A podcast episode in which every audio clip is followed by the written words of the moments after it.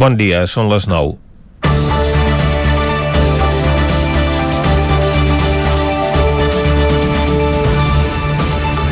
Avui els ajuntaments celebren de forma urgent un ple extraordinari per fer el sorteig dels components a les meses a les eleccions autonòmiques. La maquinària electoral s'ha tornat a reactivar de forma immediata després que ahir el Tribunal Superior de Justícia de Catalunya suspengués cautelarment l'ajornament de les eleccions catalanes el 30 de maig, validat per la majoria de partits a causa de la situació sanitària. El tribunal té previst resoldre sobre el fons de la qüestió abans del cap de setmana, però és evident que no resultarà el contrari. Una altra cosa serà que les eleccions se celebrin finalment el 14 de febrer o alguns dies més tard.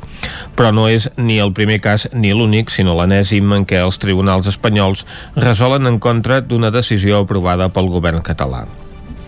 Aquestes no seran les eleccions al poble, seran les eleccions a la justícia que ha condemnat representants públics, ha inhabilitat el president de la Generalitat per una pancarta, persegueix a la candidata a substituir-lo per part de la mateixa formació i ara impedeix l'ajornament dels comicis.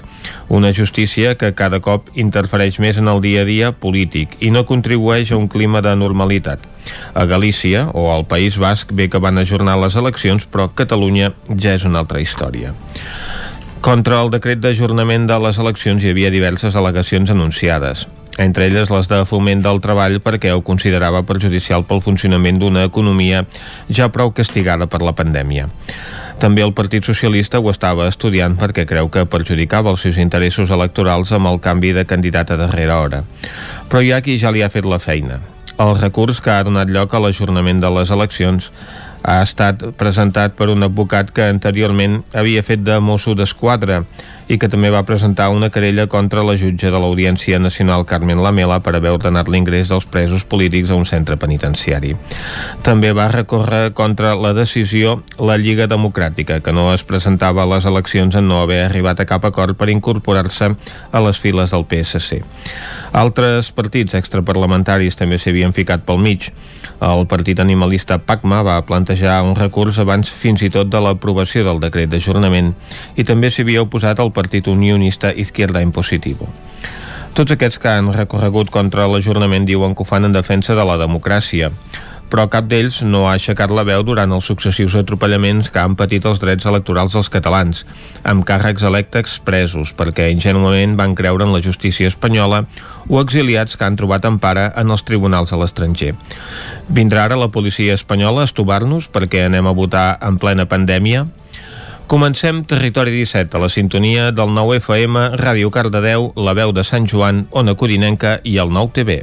Territori 17 amb Vicenç Vigues i Jordi Sunyer.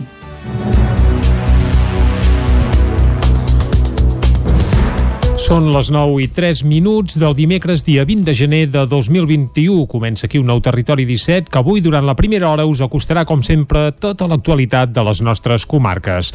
Després, a partir de les 10, més informació i les seccions habituals dels dimecres. Avui, per exemple, parlarem de literatura, la secció de lletra ferits. Conversarem amb Albert Roder, que ha fet un interessant llibre sobre el món del futbol.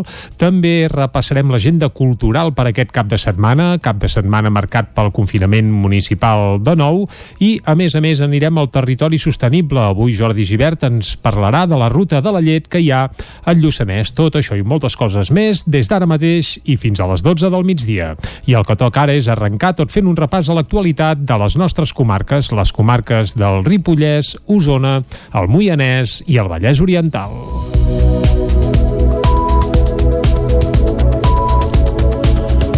Una seixantena d'usuaris i treballadors de les dues residències de gent gran de Sant Feliu de Codines reben la primera dosi de la vacuna contra la Covid-19. Caral Campàs, des d'Ona Codinenca.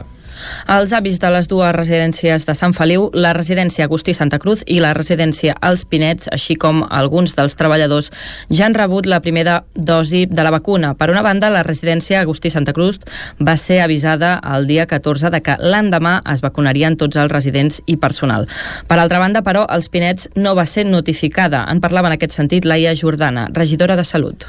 I en el cas dels Pinets, eh, bueno, van presentar-se sense avisar prèviament, eh, però sort que, que la residència ja, ja tenia un protocol d'actuació en cas de que fos d'un dia per l'altre i van poder avisar tots els treballadors La campanya de vacunació va tenir lloc aquest divendres, on es va administrar la primera dosi de Pfizer a una seixantena d'usuaris i treballadors.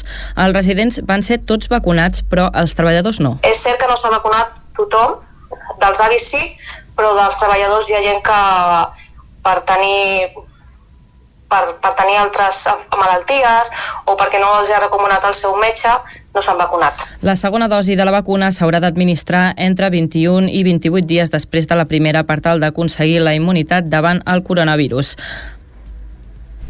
Els serveis socials i sanitaris d'Osona treballen des del 2017 en un projecte pioner d'atenció domiciliària integrada a persones vulnerables. Un model que la Generalitat vol exportar a tot Catalunya en un període de 4 anys. El conseller d'Afers Socials i Família, Shakir El Omrani, va ser divendres a Vic per conèixer de primera mà el projecte d'atenció domiciliària integrada a persones vulnerables que s'està desenvolupant a Osona. Un projecte iniciat en l'àmbit local amb prou potencial per convertir-se en un referent a tot Catalunya Catalunya. Es fa realitat un element que el diem molt, però que necessitem exemples concrets, que és la integració de l'atenció social i de l'atenció sanitària.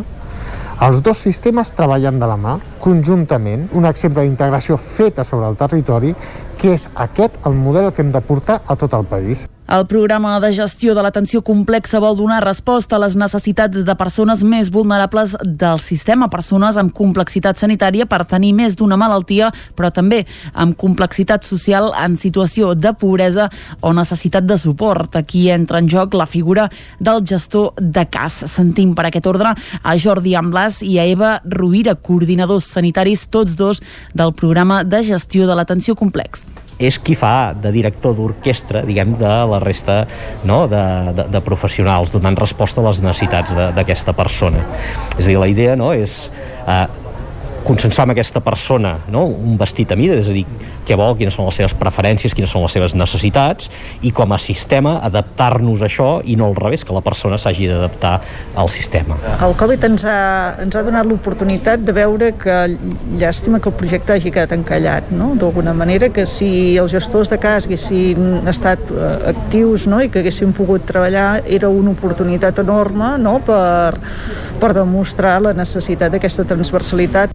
El programa de gestió de l'atenció complexa es va començar a posar en pràctica amb una bossa de 15 pacients de Vic Nord i la intenció és que durant l'any 2021 es pugui ampliar a tota la ciutat i que el 2022 i 2023 s'estengui a tota la comarca. Sant Julià de Vilatorta ha homenatjat les víctimes de la Covid-19 al municipi i també les persones que han mort per altres motius des de l'inici de la pandèmia. Un boix grèvol que es plantava dissabte al migdia entre els carrers Miquel Martí, Pol i Alvareda recordava les víctimes de la Covid-19 a Sant Julià de Vilatorta i totes les persones que han mort al municipi durant la pandèmia per altres motius. Aquí no s'ha pogut fer un acte de comiat. També s'han volgut homenatjar les persones que estan a primera línia de la lluita contra el coronavirus. Joan Carles Rodríguez és l'alcalde de Sant Julià de Vilatorta una necessitat que té el poble d'expressar aquests moments que, que estem vivint. I aquí Sant Julià, i això ho haig de dir, eh, no és a iniciativa de l'Ajuntament, és a iniciativa de, del casal d'avis, del grup de voluntàries de, que ens van ajudar a fer mascaretes, de, de la gent del poble que ens demana de dir, ostres, fem un acte de record. I jo penso que ho necessitem. Ho necessitem, com a Ajuntament ho necessitem com a poble ho necessitem, ho necessitem tots el casal d'avis del poble encara està tancat i sense previsió de reobertura. Quan sigui possible reprendre l'activitat, el primer que faran, asseguren, serà un homenatge als companys que se n'han anat. Ho explicava aquest dissabte Maria Teresa Codony, presidenta del casal d'avis de Sant Julià. La situació, és clar, és dolenta perquè no podem fer cap mena d'activitat, estàvem acostumats a veure'ns. I a la nostra edat ja hi ha alternatives perquè estem intentant que si conferències virtuals, que si coses, però tenim una edat que el que realment ens satisfà és el tu a tu, des del mes de març a la comarca d'Osona hi ha hagut 554 defuncions per Covid-19. A Sant Julià se n'hi han comptabilitzat 213 casos positius de coronavirus. Trencada de plats aquest dilluns al migdia davant del Palau de la Generalitat a Barcelona en la protesta contra la gestió de la pandèmia i els efectes de les restriccions. Una protesta que va protagonitzar el sector de l'hostaleria, més concretament els restaurants agrupats en el col·lectiu Cuineres i Cuiners quilòmetre zero Slow Food. Quatre personatges amb la careta de Salvador Salvador Illa, Pere Aragonès, Alba Vergés i Pedro Sánchez van trencar una seixantena de plats de 15 taules que havien preparat a la plaça Sant Jaume. El president de Cuineres i Cuiners Kilòmetre Zero, Slow Food, Isaac Gómez, va llegir un manifest que acabava dient n'estem farts, la situació és insostenible. Demanen sobretot un confinament comarcal i equilibrat. Entre la seixantena d'establiments que formen part del col·lectiu i el restaurant Cal Ignasi de Cantoni Gros perquè la majoria dels nostres 60 restaurants de, de cuineres i cuiners de, de quilòmetre zero slow food, doncs estem a pobles. Llavors, eh, clar, a, a pobles, amb, amb aquestes lleis actuals no ens podem defensar de cap de les maneres. Necessitem que se'ns obri la comarca per poder tenir vida és l'únic que demanem és un tracte equivalent als de ciutat. Les ciutats són autònoms. A comarques, la capital necessita dels pobles i els pobles necessiten la capital. Els restauradors de quilòmetre zero acusen el govern de la Generalitat i el govern espanyol de fer cas omís a les necessitats del sector i de no tenir-los en compte a l'hora de buscar solucions que evitin el tancament de molts negocis. Reclamen el pagament dels ERTOs de manera immediata i ajudes directes. Llinars del Vallès crea el nou Servei d'Orientació Municipal per Desocupats i Estudiants. David Auladell, de Ràdio Televisió, Cardedeu. Els departaments de Joventut, Ensenyament i Ocupació de l'Ajuntament de Llinars han creat el SOM, Servei d'Orientació Municipal. L'objectiu és poder acompanyar i assessorar els joves en la presa de decisions en tot allò que fa referència als estudis, feina i projecte vital. A més a més, també pot servir per atendre joves desocupats inscrits al Servei Local d'Ocupació. Les preguntes genèriques que generen més dubtes són el què estudiar, el de què treballar i quines opcions hi ha pel seu futur. L'orientació es durà a terme tant a Camp Masvagà com a Can Lletres, al Centre de Formació Permanent, o la Masoveria Espai Jove de Llinars, amb les tècniques referents de cada espai.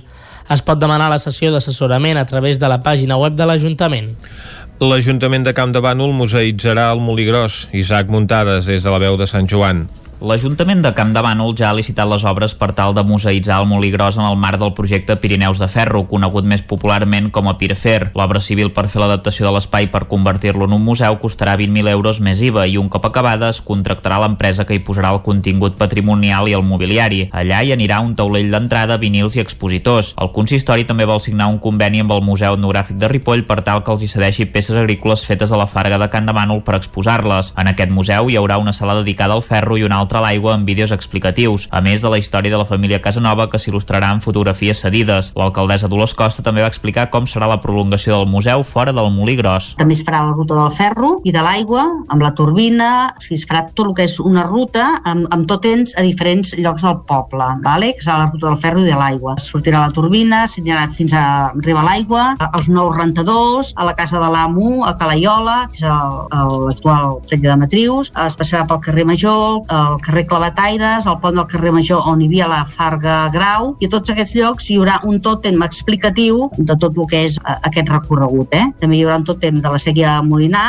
i tot aquest recorregut s'acabarà al Martinet. El cost total de la museïtzació s'enfilarà fins als 30.000 euros. El talent show de Ràdio Televisió Cardedeu posa punt i final amb una gala plena de màgia el proper dissabte 23 de gener a les 9 del vespre.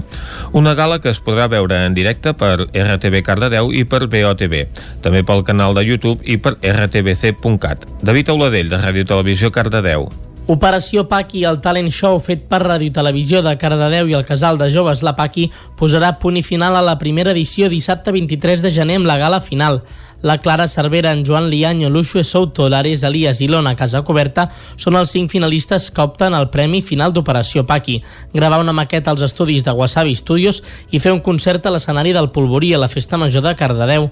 Els cinc concursants cantaran una cançó que han escollit ells mateixos i el públic escollirà qui vol que siguin els tres finalistes que cantaran una segona cançó i un d'ells es convertirà en el primer guanyador d'Operació Paqui. A més, a la gala s'esperen moltes sorpreses, així com la cançó grupal que cantaran els 12 concursants d'Operació Paqui. Tot es podrà seguir des de les 9 del vespre en directe per Radio Televisió Cardedeu, pel canal de YouTube i per rtv-c.cat, així com també per Vallès Oriental Televisió. D'entre les diverses reunions de preparació de les gales ja s'està plantejant una segona edició. I fins aquí el butlletí de notícies que us hem ofert amb Vicenç Vigues, Clàudia Dinarès, David Auladell, Caral Campàs i Isaac Muntades. Ara el que toca és parlar del temps. Casa Terradellos us ofereix el temps. I per parlar del temps parlem amb en Pep Acosta, que ahir ens alertava que s'acostava algun canvi. Aviam si avui ens ho afina un pèl més. Pep, molt bon dia. Hola, molt bon dia. bona Què tal esteu? Bé, anar fent, anar Avui fent. una mica, una mica de moviment meteorològic i és que se'ns apropa un front Mhm. des de l'oest de la península ibèrica que, atenció, que allà deixarà bastanta pluja, sobretot per la zona de Galícia, del Cantàbric, aquests fronts atlàntics, eh, 40 per la península, és allà on deixen més aigua, eh, procedeixen de l'Atlàntic, es topen amb, el, amb les muntanyes del Cantàbric, en Galícia, i fan que la majoria de precipitacions es produeixin en aquella zona. A nosaltres ens havíem bastant desgastats. Bueno, hi han dues versions. Si, uh, uh, si ens passa com aquest, que creua tota la península ibèrica, ens arriba desgastat. Uh -huh. Avui serà un front de tercera, quarta categoria. Cap a la Vall d'Aran, segona. Perquè és Vall d'Aran, zona atlàntica. Lògicament, hi ha el Garona, que és el, el gran protagonista d'aquella zona sigui zona atlàntica. Però està fora de les nostres comarques. Per Sí, tant, les nostres comarques, lluny.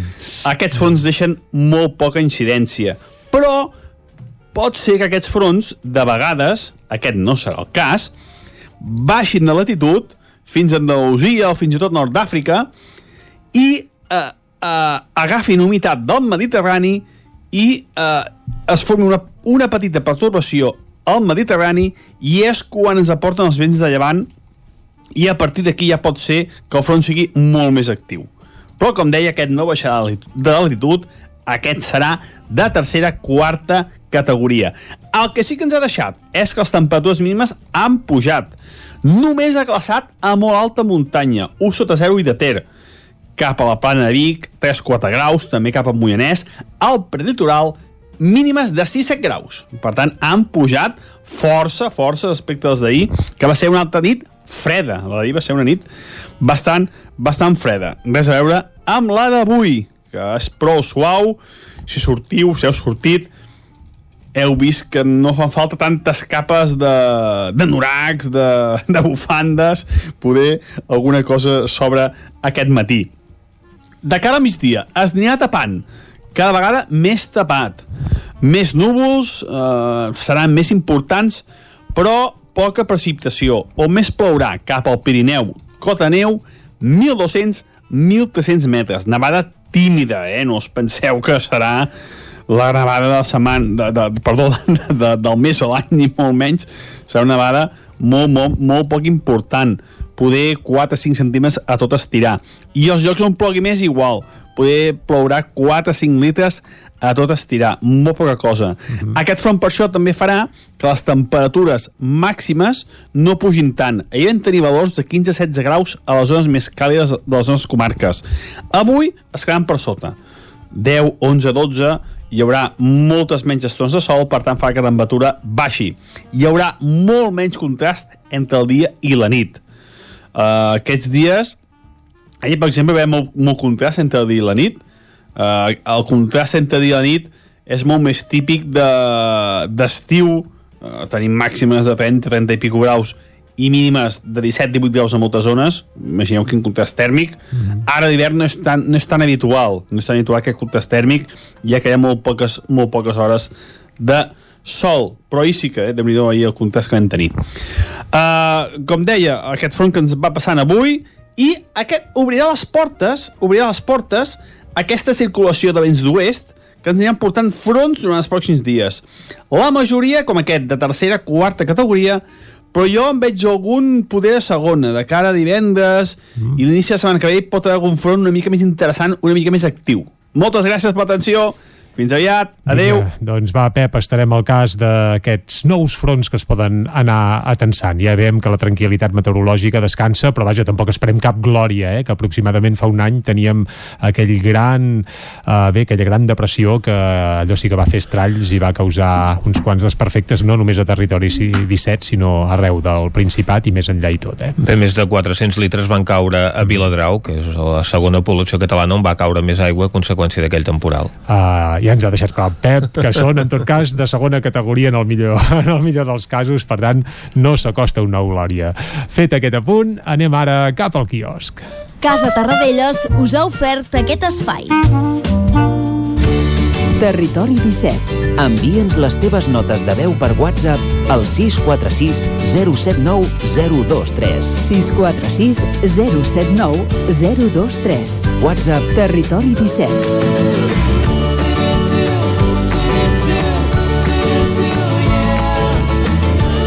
Territori 17. Som a Facebook, Twitter i Instagram amb l'usuari Territori 17.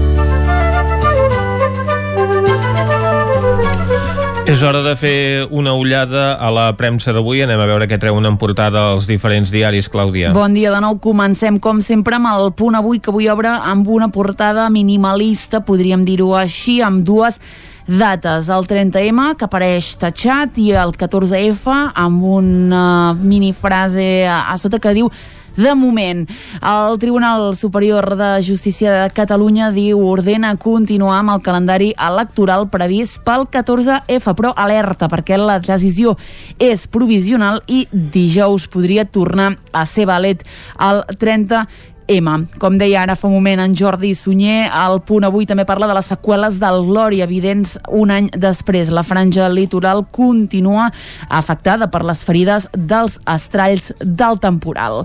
Anem al diari Ara, que diu les eleccions als llims. El Tribunal Superior de Justícia de Catalunya suspèn de forma cautelar l'ajornament electoral i provoca que el govern que recorrerà la decisió hagi de gastar 10 milions d'euros en reactivar el 14F. A la imatge Game Over, s'ha acabat el joc, s'ha acabat la partida, Joe Biden serà investit avui president dels Estats Units i posarà fi a la convulsa era Trump, que ha portat una agra divisió al país i ha fet trontollar els pilars del seu sistema democràtic.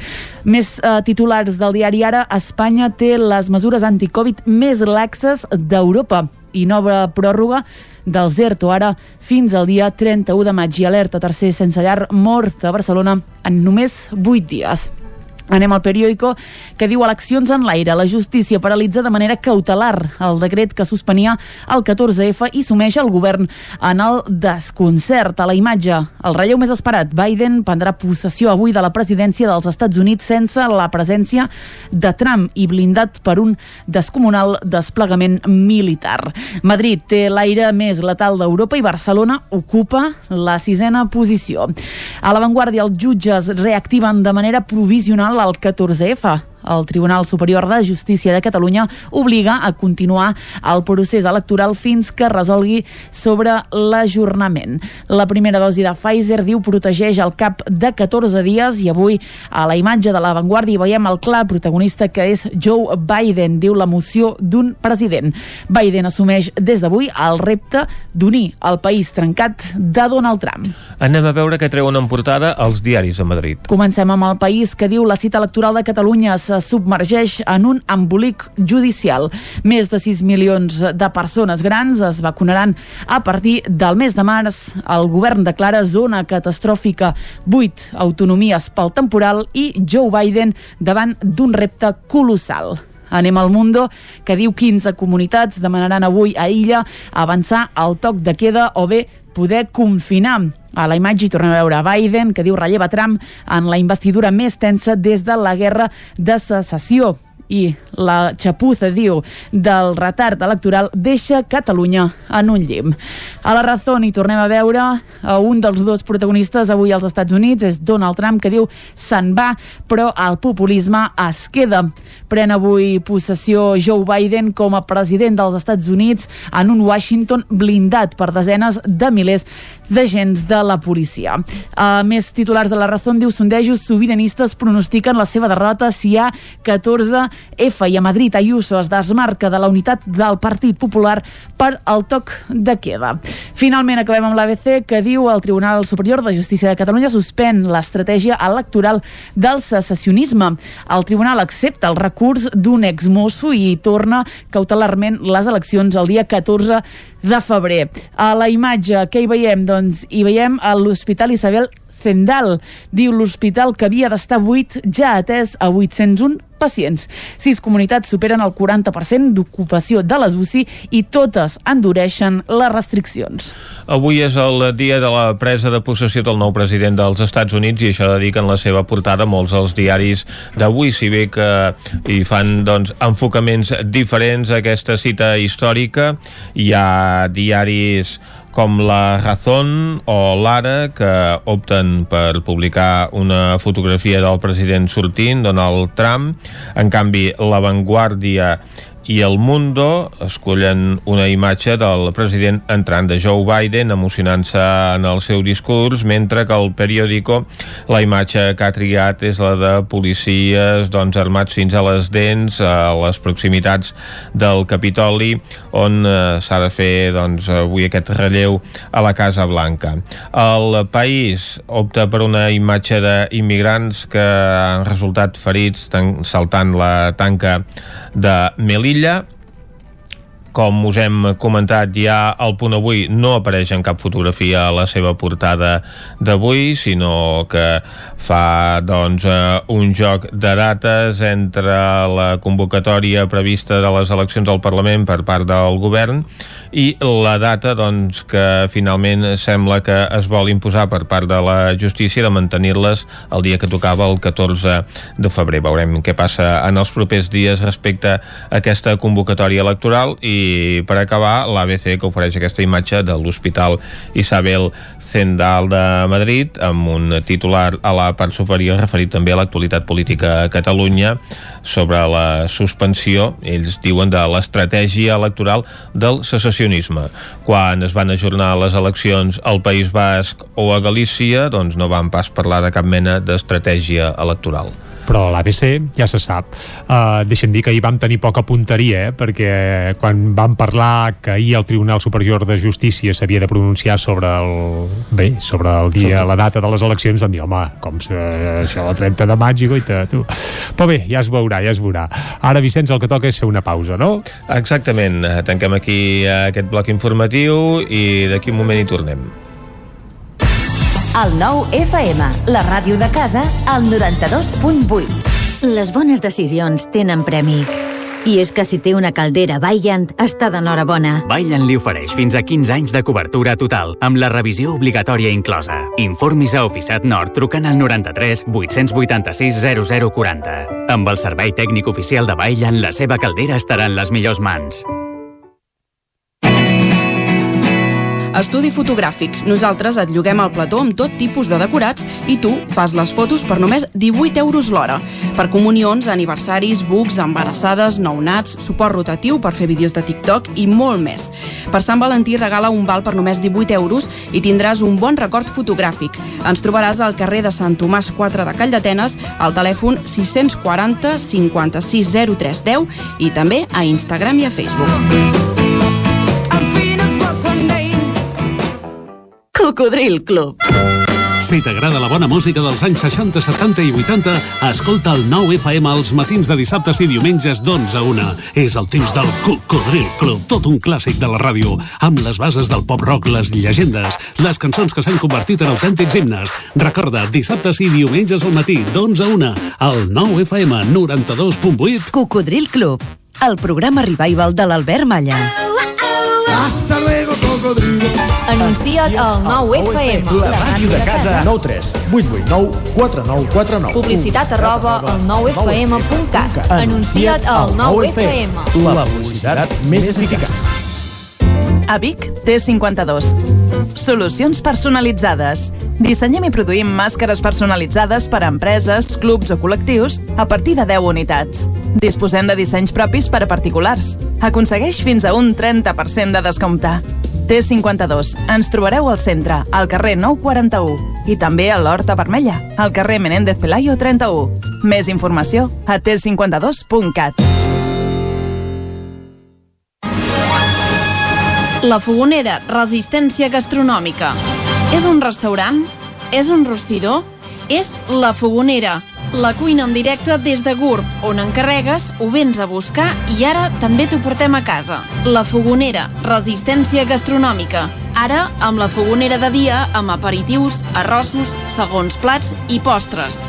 I quan cau la nit, ens transformem en un popurri culinari. Burgers, pizza, pasta... Truca al 93 851 55 75 o entra a lafogonera.cat. La Fogonera, el teu aliat gastronòmic. El nou FM, el nou FM, el nou FM, el nou FM, el nou FM. Territori 17, amb Vicenç Vigues i Jordi Sunyer. Són dos quarts de deu en punt d'avui dimecres, dia 20 de gener de 2020. Seguim aquí en directe a Territori 17 i us farem companyia fins a les 12 del migdia. De seguida us acostem de nou tota l'actualitat de les nostres comarques i ja us avancem que a partir de les 10 tindrem les seccions habituals dels dimecres. És a dir, avui eh, parlarem de literatura, en lletra ferits, concretament parlarem amb Albert Roder, entrenador de futbol, que ha fet un llibre precisament això, de futbol.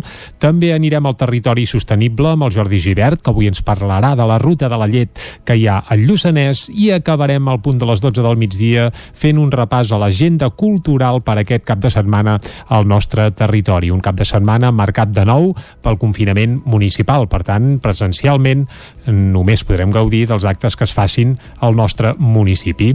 Ara, però, el que toca és acostar-vos de nou l'actualitat de les nostres comarques, les comarques del Ripollès, Osona, el Moianès i el Vallès Oriental.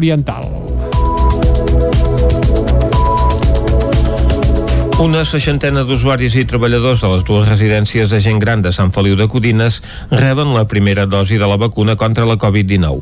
Caral Campàs, des d'Ona Codinenca. Els avis de les dues residències de Sant Feliu, la residència Agustí Santa Cruz i la residència Els Pinets, així com alguns dels treballadors, ja han rebut la primera dosi de la vacuna. Per una banda, la residència Agustí Santa Cruz va ser avisada el dia 14 de que l'endemà es vacunarien tots els residents i personal. Per altra banda, però, Els Pinets no va ser notificada. En parlava en aquest sentit Laia Jordana, regidora de Salut. I en el cas dels Pinets, eh, bueno, van presentar-se sense avisar prèviament, eh, però sort que, que la residència ja, ja tenia un protocol d'actuació en cas de que fos d'un dia per l'altre i van poder avisar tots els treballadors la campanya de vacunació va tenir lloc aquest divendres on es va administrar la primera dosi de Pfizer a una seixantena d'usuaris i treballadors. Els residents van ser tots vacunats, però els treballadors no. És cert que no s'ha vacunat tothom, dels avis sí, però dels treballadors hi ha gent que per tenir per, per tenir altres malalties o perquè no els ha recomanat el seu metge no s'han vacunat. La segona dosi de la vacuna s'haurà d'administrar entre 21 i 28 dies després de la primera per tal d'aconseguir la immunitat davant el coronavirus. Els serveis socials i sanitaris d'Osona treballen des del 2017 en un projecte pioner d'atenció domiciliària integrada a persones vulnerables. Un model que la Generalitat vol exportar a tot Catalunya en un període de 4 anys. El conseller d'Afers Socials i Família, Shakir El Omrani, va ser divendres a Vic per conèixer de primera mà el projecte d'atenció domiciliària integrada a persones vulnerables que s'està desenvolupant a Osona. Un projecte iniciat en l'àmbit local amb prou potencial per convertir-se en un referent a tot Catalunya. Es fa realitat un element que el diem molt, però que necessitem exemples concrets, que és la integració de l'atenció social i de l'atenció sanitària.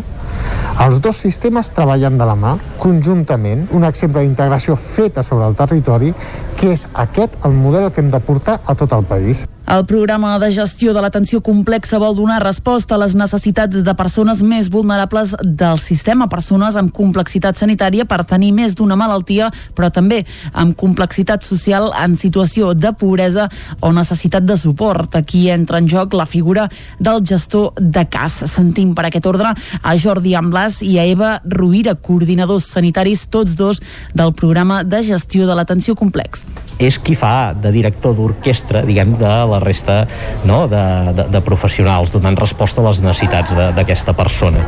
És a dir, la idea no? és eh, consensuar amb aquesta persona no? un vestit a mida, és a dir, què vol, quines són les seves preferències, quines són les seves necessitats i com a sistema adaptar-nos a això i no al revés, que la persona s'hagi d'adaptar al sistema. El Covid ens ha, ens ha donat l'oportunitat de veure que llàstima que el projecte hagi quedat encallat, no? d'alguna manera, que si els gestors de cas haguessin estat uh, actius no? i que haguessin pogut treballar era una oportunitat enorme no? per, per demostrar la necessitat d'aquesta transversalitat.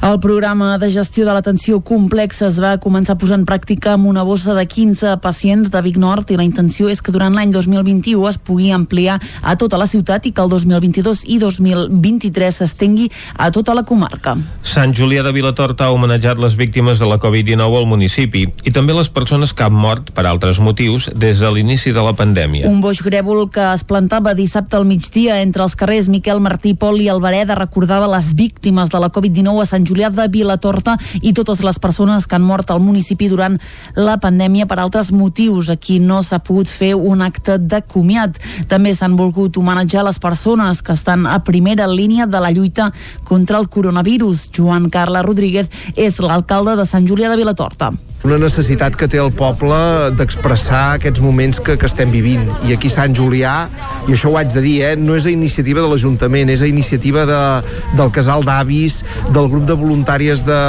que ens van ajudar a fer mascaretes, de, de la gent del poble que ens demana de dir, ostres, fem un acte de record. I jo penso que ho necessitem, ho necessitem. Com a Ajuntament ho necessitem, com a poble ho necessitem, ho necessitem tots. El casal d'avis del poble encara està tancat i sense previsió de reobertura. Quan sigui possible reprendre l'activitat, el primer que faran, asseguren, serà un homenatge als companys que se n'han anat. Ho explicava aquest dissabte Maria Teresa Codony, presidenta del casal d'avis de Sant Julià. La situació, és clar, és dolenta perquè no podem fer cap mena d'activitat, estàvem acostumats a veure'ns.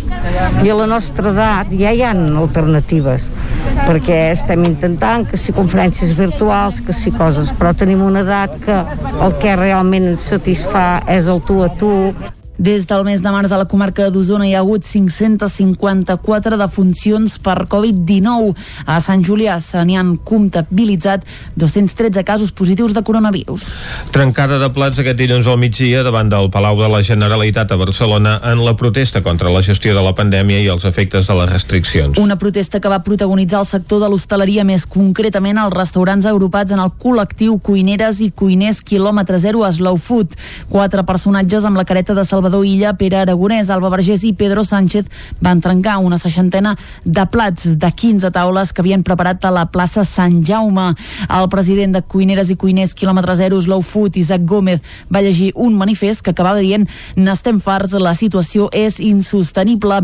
Demanen sobretot un confinament comarcal i equilibrat entre la seixantena d'establiments que formen part del col·lectiu i el restaurant Cal Ignasi de Cantoni Gros perquè la majoria dels nostres de 60 restaurants de, de cuineres i cuiners de, de quilòmetre zero slow food, doncs estem a pobles. Llavors, eh, clar, a, pobles, amb, amb aquestes lleis actuals no ens podem defensar de cap de les maneres. Necessitem que se'ns obri la comarca per poder tenir vida. No, és l'únic que demanem és un tracte equivalent als de ciutat. Les ciutats són autònoms. A comarques, la capital necessita dels pobles i els pobles necessiten la capital. Els restauradors de quilòmetre zero acusen el govern de la Generalitat i el govern espanyol de fer cas omís a les necessitats del sector i de no tenir-los en compte a l'hora de buscar solucions que evitin el tancament de molts negocis. Reclamen el pagament dels ERTOs de manera immediata i ajudes directes. Llinars del Vallès crea el nou servei d'orientació municipal per desocupats i estudiants. David Auladell, de Ràdio Televisió, Cardedeu. Els departaments de Joventut, Ensenyament i Ocupació de l'Ajuntament de Llinars han creat el SOM, Servei d'Orientació Municipal. L'objectiu és poder acompanyar i assessorar els joves en la presa de decisions en tot allò que fa referència als estudis, feina i projecte vital. A més a més, també pot servir per atendre joves desocupats, inscrits al Servei Local d'Ocupació. Les preguntes genèriques que generen més dubtes són el què estudiar, el de què treballar i quines opcions hi ha pel seu futur. L'orientació es durà a terme tant a Camp Masvagà com a Can Lletres, al Centre de Formació Permanent, o la Masoveria Espai Jove de Llinars, amb les tècniques referents de cada espai. Es pot demanar la sessió d'assessorament a través de la pàgina web de l'Ajuntament. L'Ajuntament de Camp de Bànol museïtzarà el Molí Gros. Isaac Muntades, des de la veu de Sant Joan. L'Ajuntament de Camp de Bànol ja ha licitat les obres per tal de museïtzar el molí gros en el marc del projecte Pirineus de Ferro, conegut més popularment com a Pirfer. L'obra civil per fer l'adaptació de l'espai per convertir-lo en un museu costarà 20.000 euros més IVA i un cop acabada es contractarà l'empresa que hi posarà el contingut patrimonial i el mobiliari. Allà hi anirà un taulell d'entrada, vinils i expositors. El consistori també vol signar un conveni amb el Museu Etnogràfic de Ripoll per tal que els hi cedeixi peces agrícoles fetes a la Farga de Can de Bànol per exposar-les. En aquest museu hi haurà una sala dedicada al ferro i una altra a l'aigua amb vídeos explicatius, a més de la història de la família Casanova que s'il·lustrarà amb fotografies cedides. L'alcaldessa Dolors Costa també va explicar com serà la prolongació del museu fora del Molí Gros. També es farà la ruta del ferro i de l'aigua, amb la turbina, o sigui, es farà tot el que és una ruta amb, amb tot temps a diferents llocs del poble, vale? que serà la ruta del ferro i de l'aigua. Sortirà la turbina, s'anirà fins a arribar l'aigua, als nous rentadors, a la casa de l'amo, a Calaiola, que és l'actual tall de matrius, es passarà pel carrer Major, el carrer Clavataires, el pont del carrer Major on hi havia la Farga Grau, i a tots aquests llocs hi haurà un tòtem explicatiu de tot el que és eh, aquest recorregut. Eh? També hi haurà un tòtem de la sèquia Molinar i tot aquest recorregut s'acabarà al Martinet. El cost total de la museïtzació s'enfilarà fins als 30.000 euros. El talent show de Ràdio Televisió Cardedeu posa punt i final amb una gala plena de màgia el proper dissabte 23 de gener a les 9 del vespre. Una gala que es podrà veure en directe per RTV Cardedeu i per BOTV, també pel canal de YouTube i per rtbc.cat. David Auladell, de Ràdio Televisió Cardedeu. Operació Paqui, el talent show fet per Ràdio Televisió de Cardedeu i el casal de joves La Paqui posarà punt i final a la primera edició dissabte 23 de gener amb la gala final. La Clara Cervera, en Joan Lianyo, Luxue Souto, l'Ares Elias i l'Ona Casacoberta són els cinc finalistes que opten al Premi Final d'Operació Paqui. Gravar una maqueta als estudis de Wasabi Studios i fer un concert a l'escenari del Polvorí a la Festa Major de Cardedeu. Els cinc concursants cantaran una cançó que han escollit ells mateixos i el públic escollirà qui vol que siguin els tres finalistes que cantaran una segona cançó i un d'ells es convertirà en el primer guanyador d'Operació Paqui. A més, a la gala s'esperen moltes sorpreses, així com la cançó grupal que cantaran els 12 concursants d'Operació Paqui. Tot es podrà seguir des de les 9 del vespre en directe per Radio Televisió Cardedeu, pel canal de YouTube i per rtv-c.cat, així com també per Vallès Oriental Televisió. D'entre les diverses reunions de preparació de les gales ja s'està plantejant una segona edició. I fins aquí el butlletí de notícies que us hem ofert amb Vicenç Vigues, Clàudia Dinarès, David Auladell, Caral Campàs i Isaac Muntades. Ara el que toca és parlar del temps.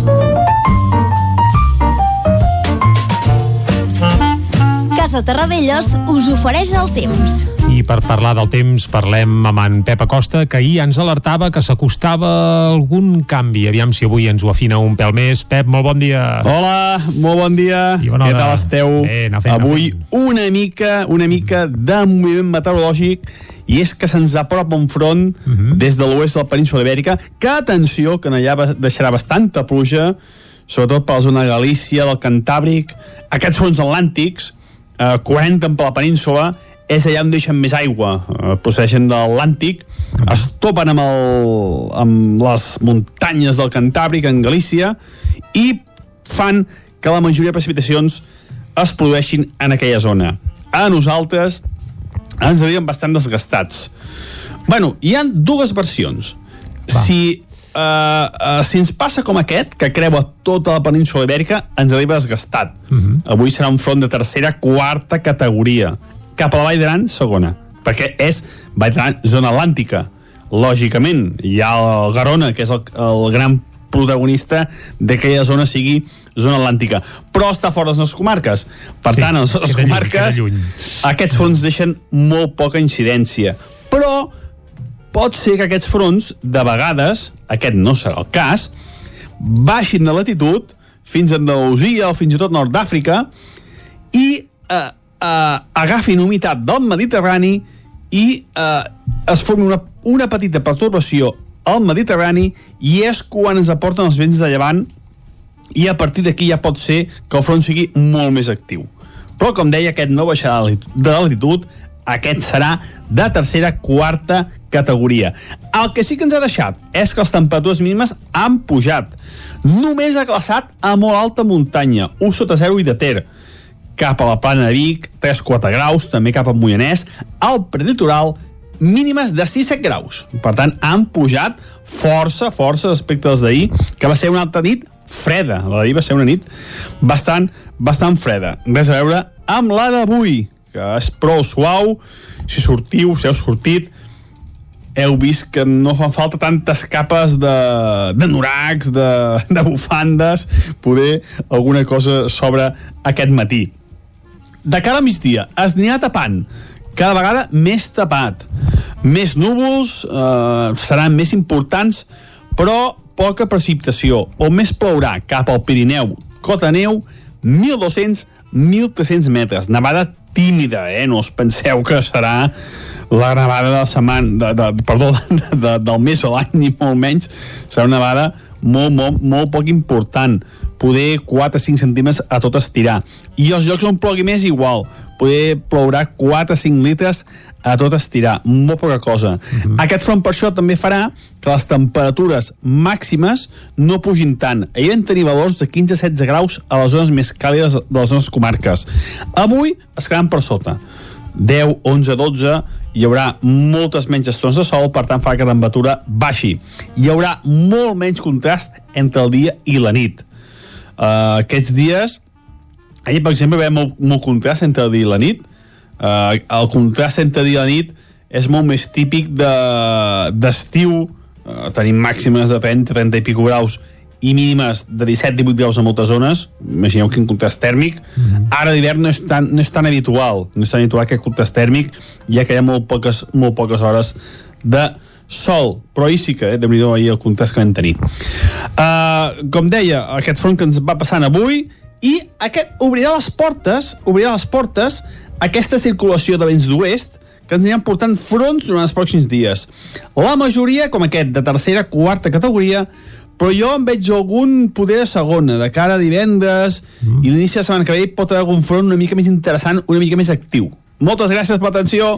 Fins aviat, adeu. Vinga, doncs va, Pep, estarem al cas d'aquests nous fronts que es poden anar atensant. Ja veiem que la tranquil·litat meteorològica descansa, però vaja, tampoc esperem cap glòria, eh? que aproximadament fa un any teníem aquell gran, eh, bé, aquella gran depressió que allò sí que va fer estralls i va causar uns quants desperfectes, no només a territori 17, sinó arreu del Principat i més enllà i tot. Eh? Bé, més de 400 litres van caure a Viladrau, que és la segona població catalana on va caure més aigua a conseqüència d'aquell temporal. Uh, ja ens ha deixat clar Pep, que són en tot cas de segona categoria en el millor, en el millor dels casos, per tant no s'acosta una glòria.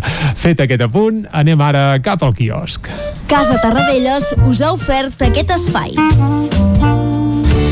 Territori 17. Envia'ns les teves notes de veu per WhatsApp al 646 079 023. 646 079 023. WhatsApp Territori 17.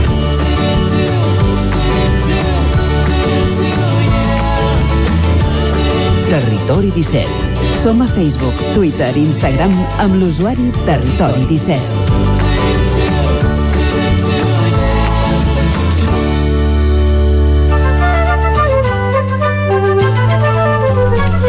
És hora de fer una ullada a la premsa d'avui. Anem a veure què treuen en portada els diferents diaris, Clàudia. Bon dia de nou. Comencem, com sempre, amb el punt avui, que avui obre amb una portada minimalista, podríem dir-ho així, amb dues dates. El 30M, que apareix tatxat, i el 14F, amb una minifrase a sota que diu de moment. El Tribunal Superior de Justícia de Catalunya diu ordena continuar amb el calendari electoral previst pel 14F, però alerta perquè la decisió és provisional i dijous podria tornar a ser valet el 30 M. Com deia ara fa un moment en Jordi Sunyer, el punt avui també parla de les seqüeles del Glòria, evidents un any després. La franja litoral continua afectada per les ferides dels estralls del temporal. Anem al diari Ara, que diu les eleccions als llims. El Tribunal Superior de Justícia de Catalunya suspèn de forma cautelar l'ajornament electoral i provoca que el govern que recorrerà la decisió hagi de gastar 10 milions d'euros en reactivar el 14F. A la imatge Game Over, s'ha acabat el joc, s'ha acabat la partida, Joe Biden serà investit avui president dels Estats Units i posarà fi a la convulsa era Trump, que ha portat una agra divisió al país i ha fet trontollar els pilars del seu sistema democràtic. Més eh, titulars del diari Ara, Espanya té les mesures anticovid més laxes d'Europa i nova pròrroga del ZERTO ara fins al dia 31 de maig i alerta tercer sense llar mort a Barcelona en només 8 dies. Anem al periòdico que diu eleccions en l'aire. La justícia paralitza de manera cautelar el decret que suspenia el 14F i sumeix el govern en el desconcert. A la imatge, el relleu més esperat, Biden prendrà possessió avui de la presidència dels Estats Units sense la presència de Trump i blindat per un descomunal desplegament militar. Madrid té l'aire més letal d'Europa i Barcelona ocupa la sisena posició. A l'avantguàrdia, els jutges reactiven de manera provisional al 14F. El Tribunal Superior de Justícia de Catalunya obliga a continuar el procés electoral fins que resolgui sobre l'ajornament. La primera dosi de Pfizer diu protegeix al cap de 14 dies i avui a la imatge de l'avantguàrdia hi veiem el clar protagonista que és Joe Biden, diu l'emoció d'un president. Biden assumeix des d'avui el repte d'unir el país trencat de Donald Trump. Anem a veure què treuen en portada els diaris a Madrid. Comencem amb el país que diu la cita electoral de Catalunya se submergeix en un embolic judicial. Més de 6 milions de persones grans es vacunaran a partir del mes de març. El govern declara zona catastròfica 8 autonomies pel temporal i Joe Biden davant d'un repte colossal. Anem al Mundo, que diu 15 comunitats demanaran avui a Illa avançar al toc de queda o bé poder confinar. A la imatge hi tornem a veure Biden, que diu relleva Trump en la investidura més tensa des de la guerra de secessió i la xapuza, diu, del retard electoral deixa Catalunya en un llim. A la raó hi tornem a veure a un dels dos protagonistes avui als Estats Units, és Donald Trump, que diu se'n va, però el populisme es queda. Pren avui possessió Joe Biden com a president dels Estats Units en un Washington blindat per desenes de milers d'agents de la policia. A més titulars de la raó diu sondejos sobiranistes pronostiquen la seva derrota si hi ha 14 F i a Madrid Ayuso es desmarca de la unitat del Partit Popular per al toc de queda. Finalment acabem amb l'ABC que diu el Tribunal Superior de Justícia de Catalunya suspèn l'estratègia electoral del secessionisme.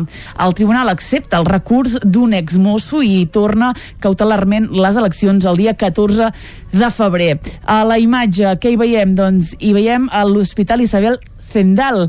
Diu l'hospital que havia d'estar buit ja atès a 801 pacients. Sis comunitats superen el 40% d'ocupació de les UCI i totes endureixen les restriccions. Avui és el dia de la presa de possessió del nou president dels Estats Units i això dediquen la seva portada molts dels diaris d'avui, si bé que hi fan doncs, enfocaments diferents a aquesta cita històrica. Hi ha diaris com La Razón o L'Ara que opten per publicar una fotografia del president sortint, Donald Trump, en canvi, La Vanguardia i El Mundo escollen una imatge del president entrant de Joe Biden emocionant-se en el seu discurs mentre que el periòdico la imatge que ha triat és la de policies doncs, armats fins a les dents a les proximitats del Capitoli on eh, s'ha de fer doncs, avui aquest relleu a la Casa Blanca. El país opta per una imatge d'immigrants que han resultat ferits saltant la tanca de Melilla Melilla com us hem comentat ja al punt avui no apareix en cap fotografia a la seva portada d'avui sinó que fa doncs uh, un joc de dates entre la convocatòria prevista de les eleccions al Parlament per part del govern i la data doncs que finalment sembla que es vol imposar per part de la justícia de mantenir-les el dia que tocava el 14 de febrer. Veurem què passa en els propers dies respecte a aquesta convocatòria electoral i I per acabar, l'ABC que ofereix aquesta imatge de l'Hospital Isabel Zendal de Madrid amb un titular a la part superior referit també a l'actualitat política a Catalunya sobre la suspensió, ells diuen, de l'estratègia electoral del secessionisme. Quan es van ajornar les eleccions al País Basc o a Galícia, doncs no van pas parlar de cap mena d'estratègia electoral. Però l'ABC ja se sap Uh, és que, Vicenç, tot depèn des del cantó que tu mires i des de l'òptica en què tu mires. Sí, mm -hmm. sí, sí. L'ABC sempre té un... I d'aquí convoca i desconvoca. Visió... Ah, també, també, també. Però sí que és cert que és ben curiós, eh? Últimament sembla que decideixin més coses els jutges i fiscals que no pas, uh, carai, els polítics, eh? I sobretot dates electorals i sobretot a Catalunya. Tot Però bé, el que arriba als tribunals ens acaba amb una resolució contrària al mm -hmm. posicionament del govern català. Això no falla. Això és un... Aquesta és l'única norma que no falla. Però bé, encara no està tot lligat ni al sac, vés a saber si votarem el 14 de febrer, si hi haurà una data nova, si serà el 30 de maig, en principi abans d'acabar aquesta setmana eh, s'hauria de saber, perquè si no, divendres vinent ja arrencaria la campanya electoral, no aquest, sinó el que ve, però això ho tenim a la cantonada, per tant, tant eh, és qüestió de, de fer via i aviam què, però vaja, aquí a Territori 17 us ho explicarem, com sempre, però ara no parlarem més d'eleccions, eh, ens posarem una mica més seriosos uh. -huh. i per tant parlarem de música. Molt bé. I suposo que recordes, Vicenç, que fa una setmana vam estrenar una cançó del nou disc de Baltònic. Uh -huh. Ho mhm. vam fer en aquell cas en honor uh, bé, uh, per enviar-li una abraçada des d'aquí perquè uh, es va conèixer que es va morir la seva mare a Palma uh, i el Josep Arenas, el Baltònic, doncs no la va poder ni acomiadar perquè recordem-ho, continua exiliat a Bèlgica. I uh, aleshores, precisament aquella setmana, és a dir, avui fa uns 10 dies, doncs el Baltònic va publicar el seu darrer disc, que es titula En Pau Descansi. El títol no el va posar en honor a la seva mare, sinó en honor al Baltònic, perquè ell mateix va anunciar que aquest seria el seu darrer treball com a Baltònic, que no n'editaria cap més, i uh, avui el que volem fer, aprofitant que des d'ahir el disc ja està sencer a les xarxes i també a les plataformes, etc etc. Per tant, ara qui vulgui el pot escoltar sencer. Fa 10 dies va sortir només l'edició eh, més convencional física. Eh, sembla mentira, però encara de tant en tant surt algun disc físic. doncs avui el que farem eh, doncs és escoltar un parell de peces del Baltònic. El disc en té 17 de cançons i una d'elles és Titella, segurament amb una de les lletres més encertades que hi ha en tot el disc. Escoltem-la i després encara n'escoltarem una altra. fan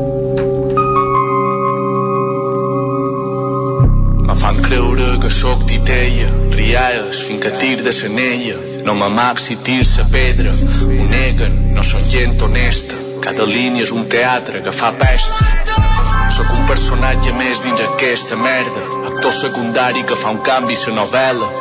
No se me respecta, no xer ni surt de cap acte, però tenc un impacte que la llarga fa marca.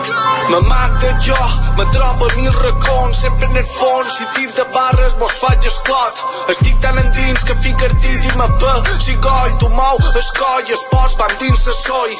M'enfil per tot, escric que el meu nom, es guàrdia me xupa un nou, polítics a sol, me fan renou, millor que jau, si tir desmantell, jo moc es canell, por faig ser pell, així que tothom a lloc.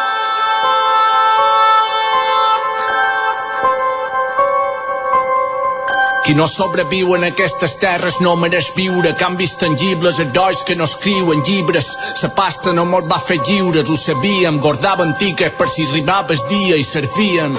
Sense cap mania, secrets sin retrets dies, la nit i el dia, però s'entenien, se tenien, rompien monotonies, creaven sintonies.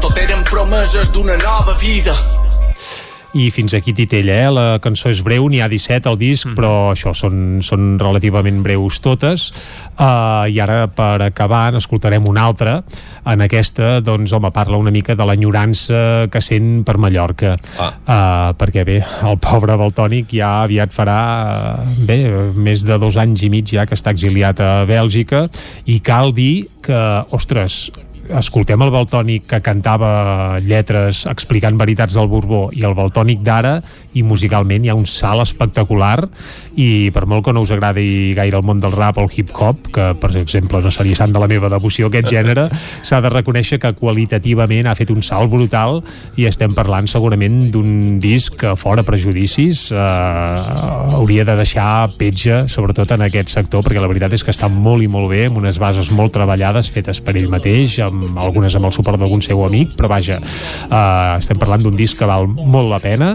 i evidentment d'un dels rapers més importants que hi deu haver ara mateix dels països catalans, això sí, exiliat a Bèlgica. Per arribar fins a les 10 escoltem Posidònia, doncs? Escoltem. Doncs uh, escoltem Posidònia, una altra de les peces que hi ha en, en Pau Descansi, el darrer disc del Baltònic. No hi ha rates tancats en qui tremola quan xerra. Són salvatges enfadats defensant-se terra. Tot és pura paraula mètrica i postures no fermes. No queden militants ni bons estrategues. Només me sent viu quan sa veïnada i amega, sa cafetera s'enllega i allò que té se la queixa. Perquè cada cançó se mateixa, no me mereixen. Sent lo que penso en una altra cançó que escriu i no pega. Ni entra ni surt, cada barra la su. Això no ho surt, mort segur. Ho vam fer amb molt de gust. Sóc el jove que mai confonen i s'enfonsa perquè no enyora ni telefonen si ses pupil·les se li cremen. I el meu cos arran de mà les ferides volen sal xoca al fons tremol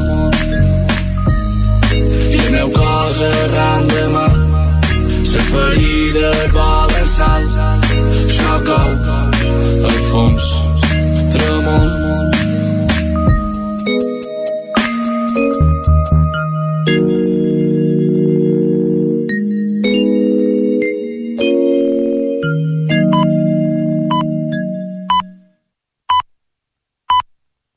Informació de les nostres comarques, les comarques del Ripollès, Osona, el Moianès i el Vallès Oriental.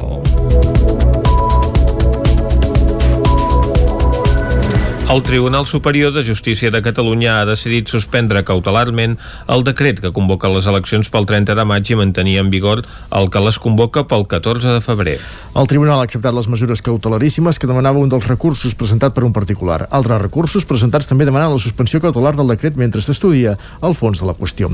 Aquesta decisió no anticipa el posicionament final sobre el fons de l'assumpte. El Tribunal Superior de Justícia de Catalunya ho ha traslladat a la Generalitat i Fiscalia perquè presentin les seves al·legacions abans de dijous a les 10 del matí. Entre les entitats i els partits que han presentat recurs hi ha la Lliga Democràtica, Federalistes d'Esquerres, vinculat al PSC, Izquierda en Positivo i Impulso Ciudadano. La decisió d'acceptar les mesures cautelaríssimes no anticipa el posicionament sobre el fons de l'assumpte, tal com ha recordat el Tribunal en un comunicat emès aquest dimarts. Els Mossos d'Esquadra posen data exacta a l'inici de la preparació dels atemptats i per finançar-los van demanar crèdits. Isaac Muntades, des de la veu de Sant Joan.